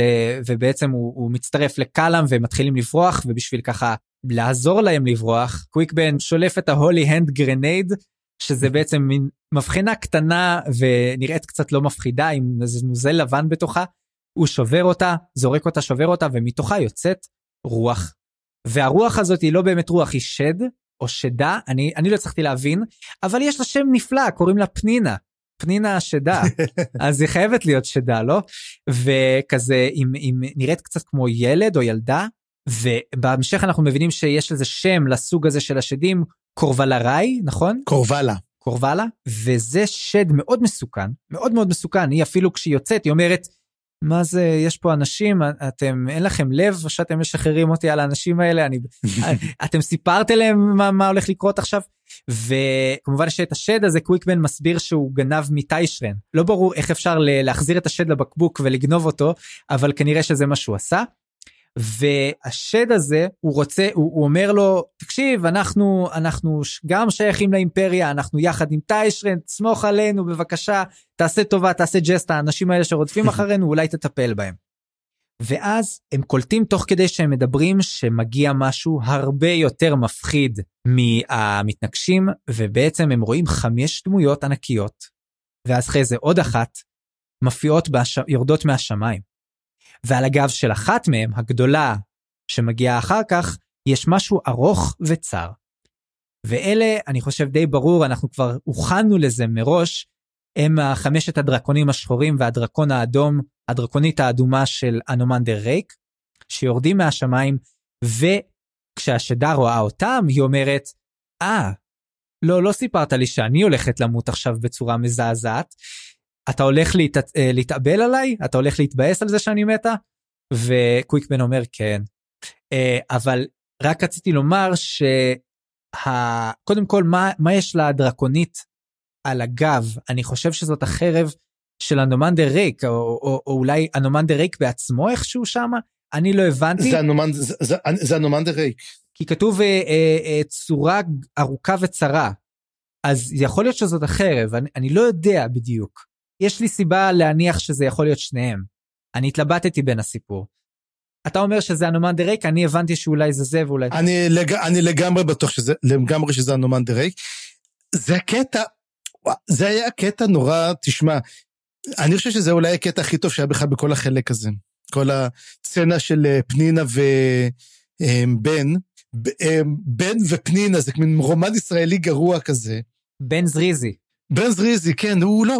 הש, השד, אני חושב שהשד הוא גם ילד. שזה גם כן הדבר הכי עצוב פה, גם על בדיוחד מה שאנחנו מגלים בדיעבד מה שקרה. והוא מסתכל, וזה מין עשן עם עיניים שחורות, ואז הוא אומר, הם, אני, אומרים, אתה יכול להשמיד עיר שלמה, השד הזה יכול להשמיד, בקלות. זה משהו חבל על הזמן. ואז הוא רואה שבעצם הטיסטה אנדי, אנחנו יודעים שזה טיסטה אנדי, הם לא בורחים, הם באים אליי. ואז הוא מגלה שבעצם משהו מאחורה מתקרב. וזאת השאלה. ואז הוא אומר, אז אני מבין שאני הולך למות, וזה, וכן, ואז הוא אומר לו, אז מי אתה? ואז הוא אומר לו באמת שהשם שלו זה בן עדה איפון דלת, שזה השם האמיתי שלו. ואז הוא אומר לו, אבל אתה מת. ואז הוא אומר, זה מה שחושבים עליי. בעצם מתברר שהוא ברשומות של המאגים הנעלים שמת בשבע ערים, וככה למעשה בן ברח, ולכן גם טטרסל לא הכיר אותו, כי כולם חושבים שבן הדייפון דלת מת. וזה מד... זה מדהים ככה שגם כן, איך הוא אומר, האם אתה מרחם עליי? זה היה כזה עצוב, שהוא בא ואומר לו, כן. ואחרי שמבינים מה קרה גם, זה עוד יותר גרוע, מה שקרה פרלה מסכן או מסכנה. לגמרי. וזה גם מסמל סוג של את סוף הקרב הזה, אה, בעצם הבריחה של קוויק בן, ומסתבר אחר כך שגם המתנגשים של הגילדה גם הצליחו לברוח, והמתנגשים של, אה, של רייק עוד מעט גם אה, ילקקו את הפצעים שלהם, אבל כל הסיפור פה בעצם נגמר, ואנחנו עוברים לראלי קנום. וראלי קנום עובר ליד מקדש קרול, שוב יש לנו מין קריצה כזאת חזרה לאותו מקום והוא חושב על זה שיש לנו גם אינפו דאמפ קטן שיש מנהרות מתחת לעיר שחלק מהמנהרות שהיה בהם גז נחסמו ואז יש כבר יש כאלה שאין, שאין בהם גז ובמנהרות אה, האלה מסתתר או מסתתרת המנהיגה של הגילדה. וראלי קנום חושב על איך שהוא בטוח שמתישהו הוא הולך להנהיג את אחד מהקלאנים והוא הולך בעצם להתייצב מול המנהיגה של הגילדה, שכחתי את השם של הרגע, איך קוראים לה? וורקן. וורקן. הוא חושב על איך שהוא כבר הולך להתייצב מול וורקן יום אחד, והוא אומר לעצמו, אני ידעתי תמיד שזה יקרה, אבל במידה מסוימת אני, אני יודע שזה יהיה הסוף שלי. וזה קטע כל כך חזק וזה מתחבר בדיוק לתיאוריה שלך או בעצם לדבר שאתה העלית כמה פעמים על אמות האנושיות. רלי קנום אומר אני הולך לאבד את האנושיות שלי סופית כאשר אני הולך להפוך להיות כל כך חזק וגבוה בגילדה של המתנגשים והוא כאילו מנסה קצת לדחות את זה. והוא אומר הדבר האחרון שאני הולך לעשות המעשה האנושי האחרון שלי הולך להיות מה שאני הולך לעשות עם מוריליו. המשימה הסודית שלו עם מוריליו ואנחנו סוף סוף מגלים מהי. הוא ומוריליו מתכננים לפגוע בליידי סימטל. למה? בתור נקמה על זה שהיא בגדה. והוא לפני זה אומר כמה בגידה זה, זה המעשה הכי נבזי, זה המעשה הכי גרוע, יותר גרוע מרצח. והיא בגדה בבעלה, ואנחנו כבר שמענו על זה כשדיברנו על סימטל מקודם, כשהיא הייתה שם עם טורבן אור, והיא אפילו רמזה לנו מי זה הבעלה, שהוא שיכור. ואנחנו יודעים מי יש, יש בחור אחד שיכור, וזה באמת קול. וזה מתחבר גם למה שקראפ אמר על קול, כן, הוא, הוא אמנם בא ממעמד גבוה, אבל הוא לא מלומד, נכון? כשהוא, כשהוא ניסה להבין איפה הוא ידע על הדרקונים. אז לא, אז קול הוא היה איש מועצה חשוב, בעלה של סימטל, והיא כנראה בגדה בו, וזה מה שאולי גרם לו להיות אה, אלכוהוליסט. אה, ורליק ומוריליו, שהם החברים שלו, רוצים להתנקם בה על זה. וזה המשימה האחרונה שלהם, וזה מבחינתו המעשה האנושי האחרון שלו לפני שהוא ימות. יש לך משהו לומר על זה? לא, אמרת את כל, בדיוק מה שאני כתבתי פה גם כן, אבל עכשיו אני כן אוסיף ואגיד, אמ, שהוא מדבר פה באמת על הגז שהתגלה בדרוג'יסטן. והגז התגלה בגלל מנהרות שחפרו כדי למצוא את תל הקבורה של הארץ הג'גותי. ובגלל שחפרו אותה, מצאו את הגז, ומכיוון שמצאו את הגז, הם אמרו, אוקיי, אפשר לבנות על זה, וזאת הסיבה בעצם שדרוג'יסטן גם מוקמת היכן שהיא מוקמת, בגלל מצבורי הגז שהתגלו.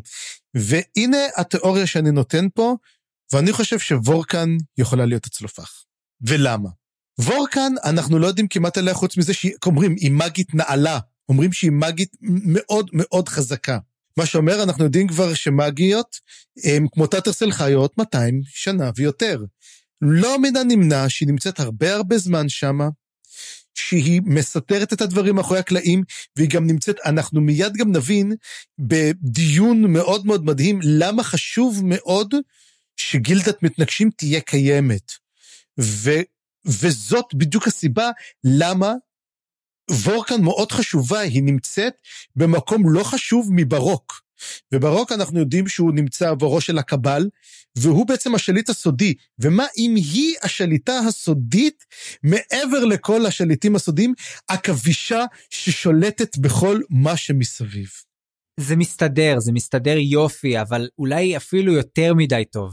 אתה יודע מה אני מתכוון? כי אם אתה אם אתה אומר את זה בכזאת אה, אה, פשטות וזה באמת מסתדר יופי מה ברוק לא יודע את זה? ברוק לא יודע מי זה הצלופח הוא מתלבט על השאלה הזאת. מה הוא לא יכול לדמיין שה... בוא נגיד עוד אחד מ, מ, מ, מהכוחות החזקים בעיר שזה גילדת המתנגשים שהמנהיגה שלו זה הצלופח הוא לא יכול להבין את זה?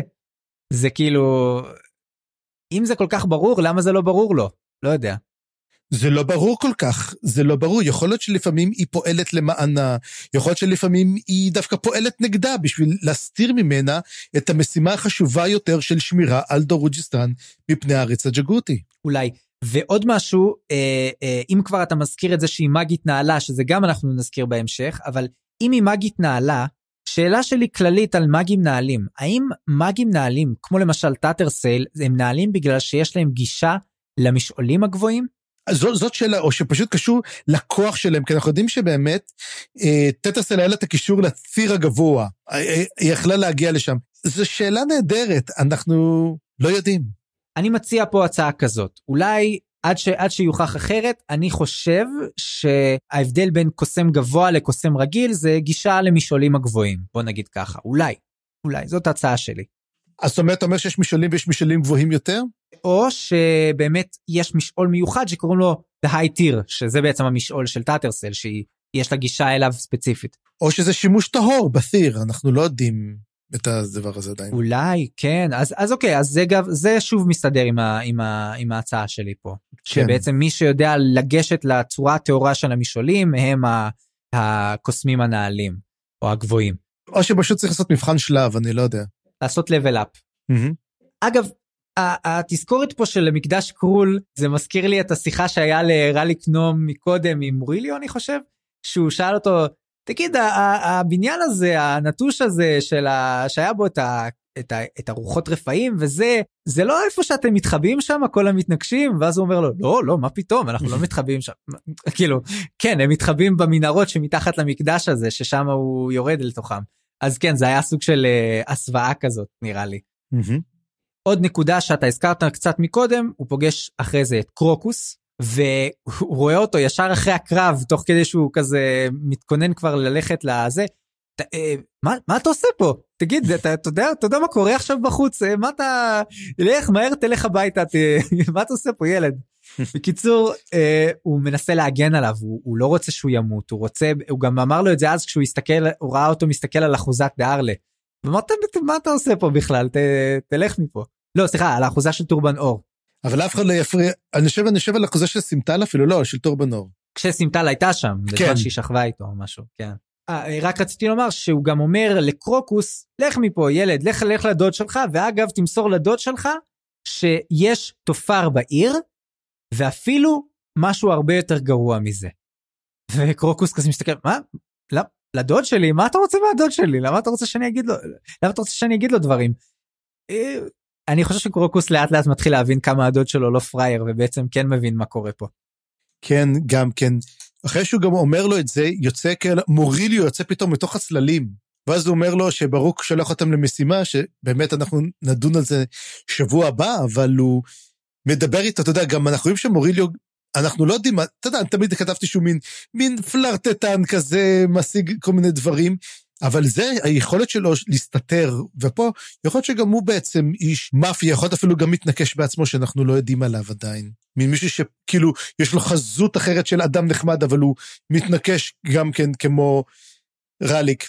וגם כנראה מוריליו גם כן אומר לו את זה, והוא יוצא מצלים, הוא יודע כנראה שגם הוא בתוכנית להרוג את קרוקוס, במידה ומשהו ישתבש. כן, הם מאוד קרובים, אה, מוריליו ורליק, יש להם אה, קשר מיוחד. והוא מספר לו גם על התוכנית של ברוק, והתגובה של רליק היא מעניינת, כי הוא אומר, תשמע, אני, אני לא יכול, יש לי פה תוכניות לסיים, אני לא יכול ללכת עכשיו אה, החוצה. זה היה מעניין, אני לא יודע באמת מה נסגר עם זה, יכול להיות שהוא באמת לא ילך, אני, אני מניח שהוא כן ילך, אבל יש פה כאילו מין ניגוד אינטרסים כזה אצל רליק, שזה גם נקודה מעניינת שעלתה פה. נמשיך? כן. יאללה. אנחנו אה, אה, עוברים לסצנה חזרה בעצם לזירת הקרב שהייתה מקודם, ואנחנו נמצאים עם הנומנדר ריק. הוא מחזיר את החרב שלו, ותוך כדי שהוא מחזיר אותה, אנחנו רואים בעצם על, ה, על הרצפה את פנינה שלנו, שוכבת גוססת, או אפילו מתה כבר, ואת הגופה שלה מין אה, יוצרת ריאקציה כימית עם הגג, ומתחילה ככה לאכול אותו, לעכל אותו, ולהעלות כזה עשן, ו... סצנה קצת מזעזעת, כאילו יש פה, אנחנו רואים שהוא בדיוק סיים להרוג אותה, אה, ואנחנו יודעים שהחרב הזאת היא חתיכת דבר מפחיד. והנומן דה ריק מדבר עם המתנגשים שלו ועושה מין הערכת, אה, דוח הערכת אה, נזקים. מסתבר, כמו שאמרנו מקודם, שמתנקש אחד מת, שניים נפצעו, אפילו אולי קשה, ואנחנו מגלים שהמתנגשים קראו לריק, כי, המת... כי הם ראו בעצם את השדה הזאת יוצאת ו... והם היו צריכים תגבורת. וזה מעניין שריק היה יכול להגיע כל כך מהר, והסיבה שהם בעצם הצליחו לצאת עם פחות נפגעים זה בגלל שהוא הגיע ונפטר מהשדה הזאת. והוא ישר מבין שזה מעשה ידיו של טיישרה, כאילו הזימון הזה. והוא משחרר בעצם את המתנגשים שלו, נותן להם ללכת ללקק את הפצעים, כי גם האמת שגם אנחנו קולטים פה שהמתנגשים הגיעו לשם ישר מהקרבות של עם קלאדן ברוד. הם הגיעו לשם ישירות ולא היה להם זמן אפילו לנוח והם ישר נשלחו לקרב הזה. בקיצור, אה, אה, אה, כן, יכול להיות שכשהוא דיבר אז עם ברוק ושאלנו אם הוא שיקר לו או לא על הכוחות שלו, מצב הכוחות שלו, יכול להיות שהוא לא שיקר. אבל הוא כן יכול לשנע את המתנגשים האלה ממקום למקום, לפחות הם יכולים. וזהו, ופה נגמרת בעצם הסצנה הזאת, אני חושב. כן, כמה דברים קטנים. קודם כל, הסגנית שלו קוראים סר, סרט, שזה... תמיד שמות, אני אומר, לזכור. ומה ש... כן, יש משהו מעניין, היא אומרת שהיא שולחת את הפצועים להתרפא אצל הכהנת הגבוהה. זאת אומרת, יש כהנים, כהנים גם כן, לאיזה אל? יש להם אל ל... הנומנדר ריק? הם מתפללים על הנומנדר ריק, אז פשוט עושים תחבושת הנומנדר וגמרנו. ו... אבל עוד דבר אחד שגם תומך יותר בתיאוריה שלי, שהיא בעצם היא הצלופה, זה הנומנדר ריק, המטרה שלו הוא לחשוף ולהוציא את וורקן מתוך המסתור שלה. והוא אומר את זה. וזה מראה שבעצם הוא כן יודע מי יש לו את הכוח.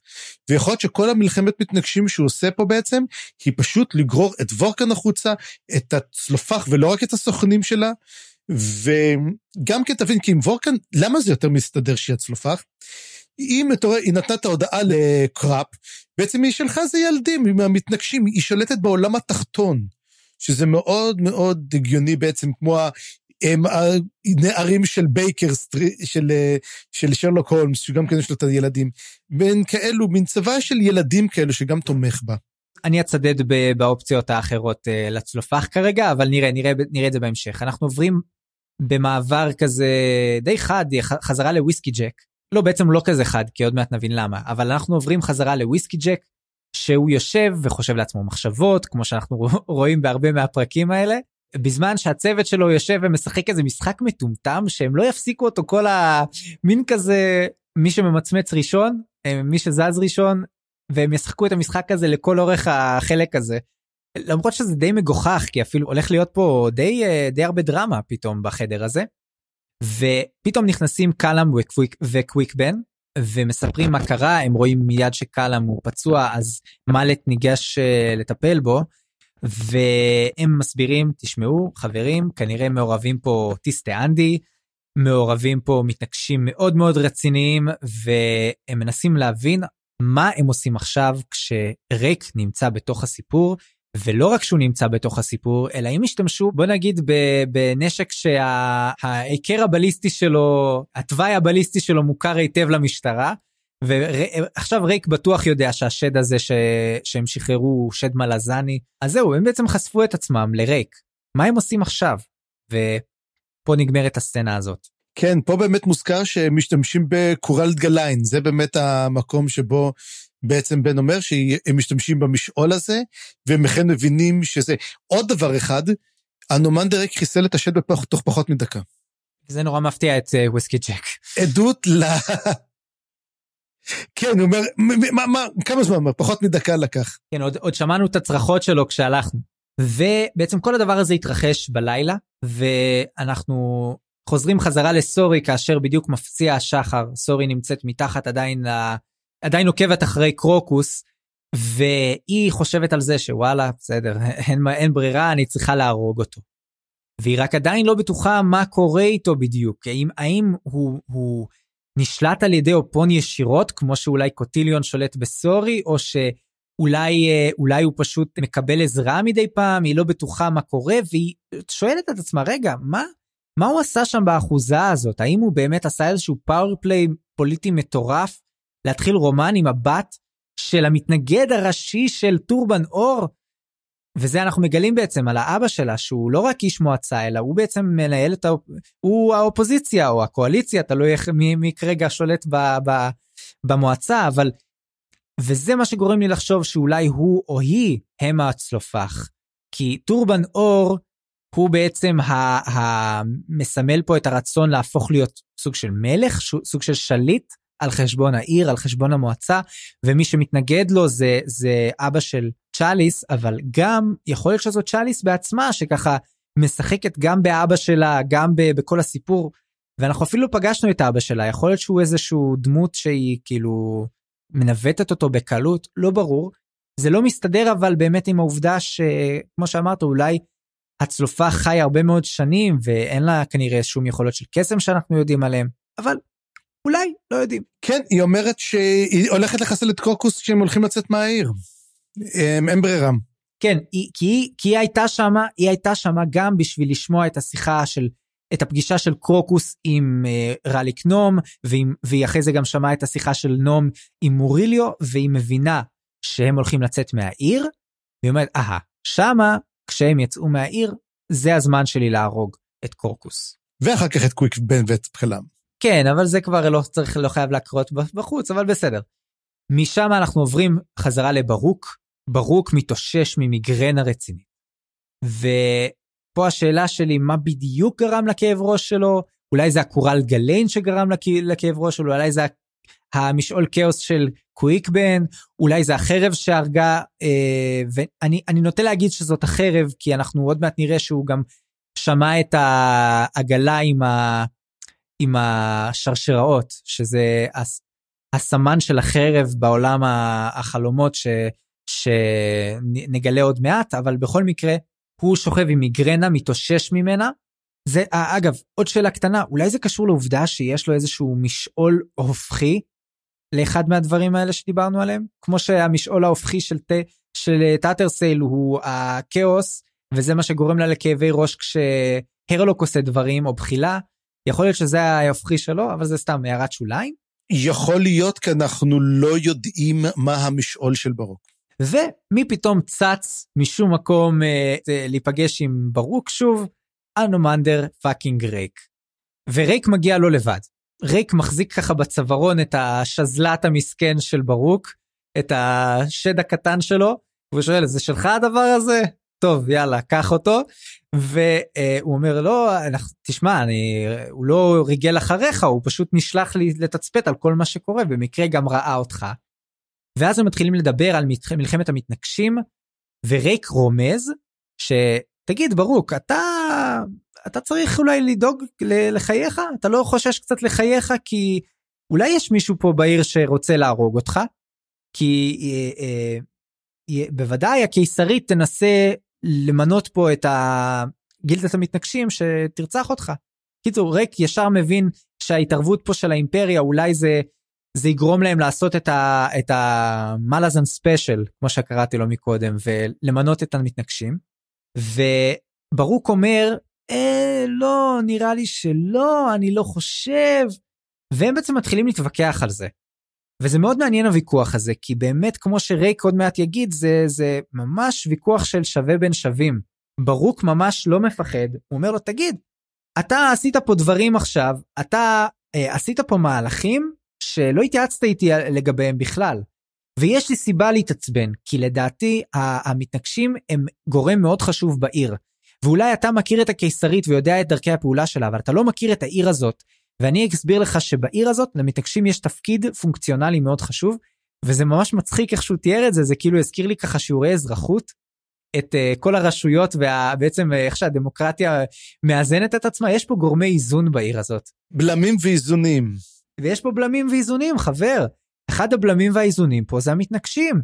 כי אחרת המועצה תעשה מה שבא לה, אם היא לא מפחדת שככה מישהו יכול למנות איזה מתנקש שירצח אותם, הם יעשו מה בראש שלהם, לא יהיה בעצם שום דרך לאזן אותם ולהגן עליהם, או אולי... לא, לא, לא, לא רק זה, לא רק זה, אלא מדובר פה בעצם להימנע מנקמות דם ארוכות שיובילו בעצם למלחמת אזרחים. כי אומרים כמה שהם מטומטמים אנשי המועצה האלו, הם עדיין יש להם המון המון כוח והם יכולים לעשות מלחמות. פה אתה יכול תקיפה כירורגית, לחסל בן אדם אחד. לא, ולכן זה מאוד מאוד חשוב גם כן גילדת המתנגשים. כן, ו, ובעצם הוא אומר, ובכלל, אני, אני לא יודע, וורקן הזאת, אני לא בטוח שהיא יכולה, שהיא הולכת להרוג אותי, וגם אם היא תרצה להרוג אותי, אני לא בטוח שיש לי מה לעשות בנידון. היא קוסמת גבוהה, יש לה כוח, אני לא יודע אם אני אוכל להתגונן בפניה, אם אני, מפניה אם אני ארצה. ו, ו, ואחרי שהם ככה מתווכחים קצת, רייק אומר לו משהו כמו, וואי, שמע, אני לא רגיל שככה לאנשים יש לידי עמוד שדרה, כל הכבוד לך. אה, אה, ואז ברוק אומר לו משהו סופר מעניין ואני בטוח שגם אתה שמת לב לזה.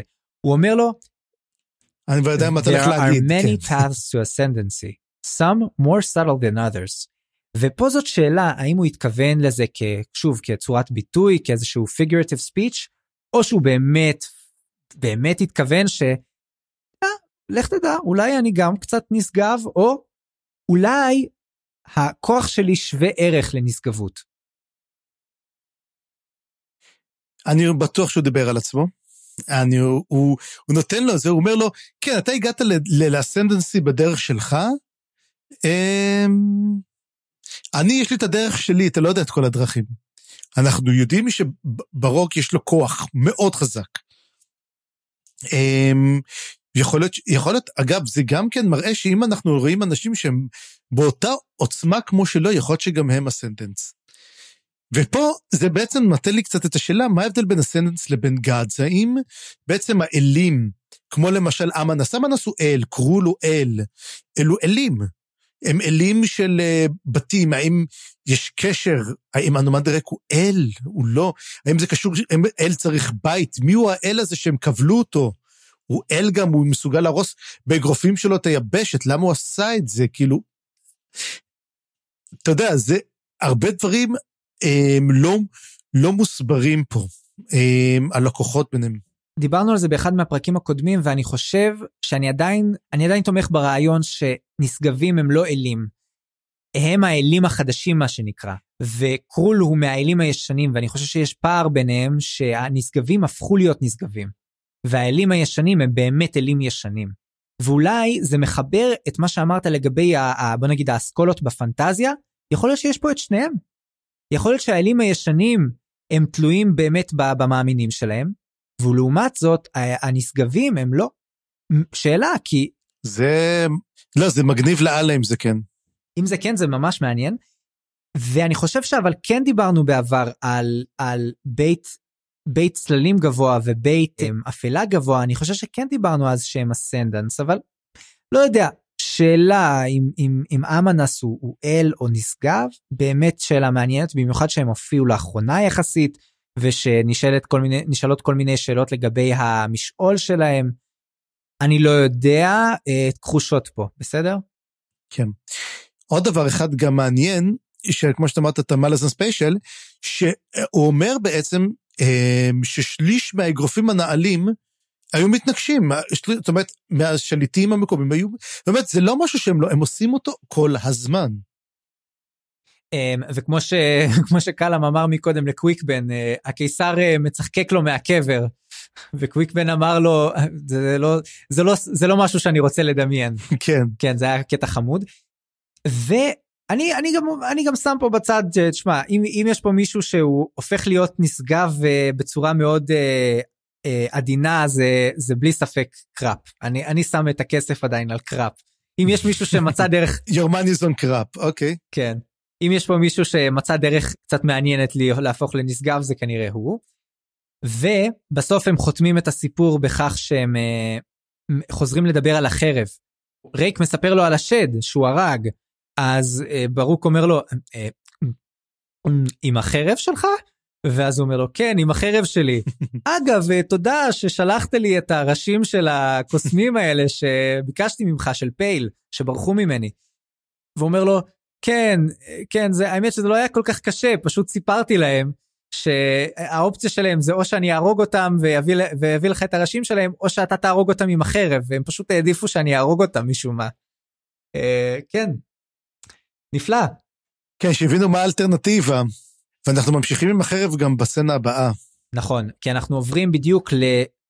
לחלום של קראפ, שחותם פה את כל החלק הרביעי, כמו שאמרת יפה, הוא, הוא גם, אה, הוא עוטף אותו משני הצדדים בעצם, חלום של קראפ, ואני מאוד אוהב את החלומות של קראפ, כי הם בדרך כלל מגלים הרבה דברים מעניינים. ובחלום של קראפ הוא אה, שומע באמת צלילים, שאנחנו כבר יודעים אה, איכשהו לחבר אותם עכשיו לחרב, של עגלה, ככה חורקת כנראה, ושרשראות. עגלת עגלת אסירים גלגלי, אומרים, גלגלי עץ חורקים שלשלות וזעקות של אלפי נשמות כלואות, וזה כל כך מביא אותי חזרה לאלריק. זה מחזיר אותי לאלריק ולאבי סער, החרב הנוראית שלו ששואבת את נשמות כל האנשים, שזה וזה פה, אני לא יודע אם זה מחווה או שזה וואחד גניבה הדבר הזה. אבל גם אנחנו גם כן מקבלים את השם שלה גם. נכון, כי, כי יחד עם, אה, עם קראפ מתחיל אה, להופיע תמיד בחלומות שלו קרול, שהם כנראה הופכים להיות חברים טובים. ואה, קרול וקראפ, לא, אולי יש פה גם איזשהו... אה, כן. אולי סיטקום, אולי סיטקום, הייתי רואה סיטקום כזה. לפחות ספין אוף צריך להיות על זה. כן, כן. אז, אז קרול מספר לו, אגב, החרב הזאת, השם שלה זה דרגניפור. ושהנושא שלה נושא החרב נמצא ביניכם, ככה הוא אומר לו, בין האנשים. וככה בעצם קראפ מגלה שרייק נמצא בעיר, והשם של החרב מאוד מעניין, כי הוא מזכיר כמובן דרגן, נכון? ואני שואל את עצמי, אני חוזר חזרה ל- ל- ל- לדרקונית האדומה עם החרב, אולי היא החרב? אולי היא הופכת להיות מחרב לדרקון גדול ואדום? אולי, ואז הוא רוכב עליה, שזה ממש מגניב, או לחלופין, יכול להיות שהחרב נמצאת עליה, על הגב, כי בעצם היא הופכת, היא מתקפלת לתוך החרב הזאת כמו כזה מטוס אוריגמי. לא יודע, זה גרם לי לחשוב קצת למה החרב הזאת, מה הקשר בין החרב לדרקונים, מה הקשר בין הדרקונים לחפיסת קלפי הדרקון, למה יש בכל מקום דרקונים פה, ומה הם עושים בעולם הזה? צפריר. לא, זאת לגמרי שאלה טובה. שאלה מצוינת אפילו. אנחנו כרגע גם תזכור שקראפ חושב, הוא רואה את החפיסת קלפים נפתחת לו בראש, והוא ישר נזכר באביר של בית גבוה אפלה. זאת אומרת, זה סגור שזה הוא, הוא אומר שהוא חצי אדם וחצי דרקון. תשמע, בכלל כל ה... אני כתבתי פה גם כן על, על אנומנדר רייק, כתבתי, אנומנדר רייק טיפוס מטריד מאוד. זה אני חושב, אה, מה שאני לקחתי איתי מהפרק הזה, אבל גם כן, אנחנו חוזרים קצת לטאטרסייל.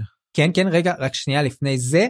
אמ, לפני טאטרסייל, כן, הוא זורע את הבירה האפלה בחפיסה שלו, ששוב, החפיסה שנמצאת בתוך הראש שלו, שוואלה, איזה מגניב זה, וקרול מסביר לו על הברית בין הקבל לריק, שריק כרת ברית עם הקבל של הקוסמים, ושהכוחות מתחילים לגדול, וכשהכוחות מתחילים לגדול, כוח מושך כוח, וזאת הסכנה הגדולה, וזאת האנטיתזה של קראפ.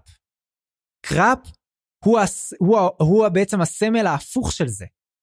קראפ הוא הכוח שמצליח לא למשוך כוח. זאת אומרת, מנסה, אנחנו לא יודעים אם הוא יצליח גם בעתיד, אבל עד כה הוא מצליח לשמור על עצמו, פחות או יותר. אבל זה, בוא נגיד, זה ה super power של קראפ. ה super power שלו זה להיות חזק בלי למשוך אליו כוח, בלי לה, להפגין את הכוח שלו, ופתאום כל הסיטואציה מסביבו משנה את, ה, את ההילוכים, ונראה אם קראפ יצליח לשמור על עצמו, או שזה יגרום לו בעצם ל, ל, לחשוף את הכוח שלו. אולי המצב מסביב יגרום לו פתאום ל, ל, לשלוף את הקלפים מהשרוול. שזה דווקא מה שאתה אומר תומך בעובדה שהוא הצלופח. אולי. וקרול גם אומר לו על החרב שהוא לא יודע אם מישהו יכול לעמוד בפניה. זאת אומרת, קראפ שואל אותו, תגיד, מישהו יכול בכלל לעמוד מול הדבר הזה? והוא אומר לו, תשמע, פעם בטוח לא, אבל עבר מאז כל כך הרבה זמן, יכול להיות, תשמע, אני לא יודע, אולי כן, אבל המקום שהם הולכים להגיע אליו, הולך להיות בו התעוררות של הרבה קסם עתיק. ופה הוא אומר לו משהו מאוד מעניין, שהקסם העתיק הזה זה שני סוגים של קסם שלא נראו כבר הרבה זמן. אחד מהם זה הקסם של התלן נמאס, שאנחנו מבינים שזה מישור התלן, נכון? Mm-hmm. כן. והקסם העתיק הג'גהותי, שהוא גם יש לו מישור, הוא קרוי אומטוס פלק. או מטוס פלק, או מטוס פלק. או מטוס פלק. ושמה הולך להיות מצב מאוד מאוד מסוכן, ואתה צריך לשמור על עצמך, וגם לשמור על קרוקוס. ושם הולך להיות מסוכן לפחות כמו ריק, וכמובן אה, הם גם מדברים על טאטרסל, כמו שאמרת. ובעצם הוא מספר לו, תשמע, טאטרסייל היא נמצאת עכשיו, אה, היא כבר מתחילה לגדול מאוד מאוד מהר, להתבגר מאוד מהר כמו שנוהגים ה Soletaken, והיא נמצאת במישור ריבי תחת הגנתו של מנהיג אה, צבא חשוב של הריבים. אצל, אצל איזשהו שר צבא ריבי, בוא נסגור את זה פה. אמ, שר צבא אולי? זה אולי רגע זה שר צבא ריבי או שזה קלאדן ברוד? זהו אבל מי הוא לא ריבי. קלאדן ברוד הוא לא ריבי. כתוב שהוא ריבי? כתוב שהוא ריבי? ריבי warlord? לא, ה powerful warlord, זה. אוקיי, אז יכול להיות שיצא, זהו. הכל פתוח, יכול להיות שקלאדן ברוד עושה את זה, הוא בינתיים המצביא החזק ביותר שאנחנו מכירים. הריבים עצמם הם שבטים נודדים, אני לא יודע כן, מה הסיפור. בעצם טאטרסייל נמצאת תחת הגנתו של מישהו חזק, ייתכן קלאדן ברוד, והיא גדלה מהר, ואני מאוד סקרן לראות מה קורה איתה, אבל זה בעצם פה זה מסמל את הסוף של הפרק ושל החלק הרביעי. יש לך משהו להוסיף בעניין, צפריר? לסכם, לסכם את הדבר הזה. לא, אני חושב שגם בטוח טחנו, טחנו, טחנו, טחנו למאזינים כבר שלוש שעות כבר. כן. זה... אז, אז קודם כל, כל הכבוד, תודה רבה שנשארתם איתנו עד עכשיו. ממש. שזה גם, לא, זה לא פשוט וזה, לא, אבל כן מגניב יהיה שאנחנו מתחילים ללכת לחלק החמישי שבו אנחנו, אם, אם אני אומר שהפרק הזה זה פרק ה crossover הגדול, שבעצם ראינו את כל הדרוג'יסטנים יחד המלזנים, פה אנחנו באמת הולכים, נראה לי, לקראת החיפוש אחר הקבר של העריץ הג'גוטי, ו... אנחנו נראה עוד פעם את טול, ונראה את לורן, ונראה את קרוקוס, ואת קראפ, ואת אה, אולי גם... רגע, מה, מה, מה זה כל הספוילרים האלה? מה זה, מה קורה פה? צפריר. אה, לא, אני מאמין, אני לא יודע. השאלה עצמה, השאלה עצמה, אנחנו כנראה, השאלה עצמה הם גם כן קוויק בן וקלאם יצאו החוצה גם כן. האם, מה יקרה שם בחוץ? זה... בהחלט מסקרן. זה מאוד מסקרן. וזהו לעת עתה. בפעם הבאה נעסוק בפרקים 14 עד 16, החלק החמישי שנקרא גבעות גדרובי של גני הירח, הספר הראשון בסדרה. אני חיים גורוב גלברט. אני צפריר גרוסמן, מזמין אתכם להיכנס לבלוג שלי על עולם רומח הדרקון, כנסו לאתר fantasybookreviews.home.blog או חפשו מסע בקרים בגוגל. תוכלו ליצור איתנו קשר בפייסבוק או במייל מלאזן קורא פה שטרודל ג'ימל נקודה קום. עריכה וסאונד חיים גורוב גלברט.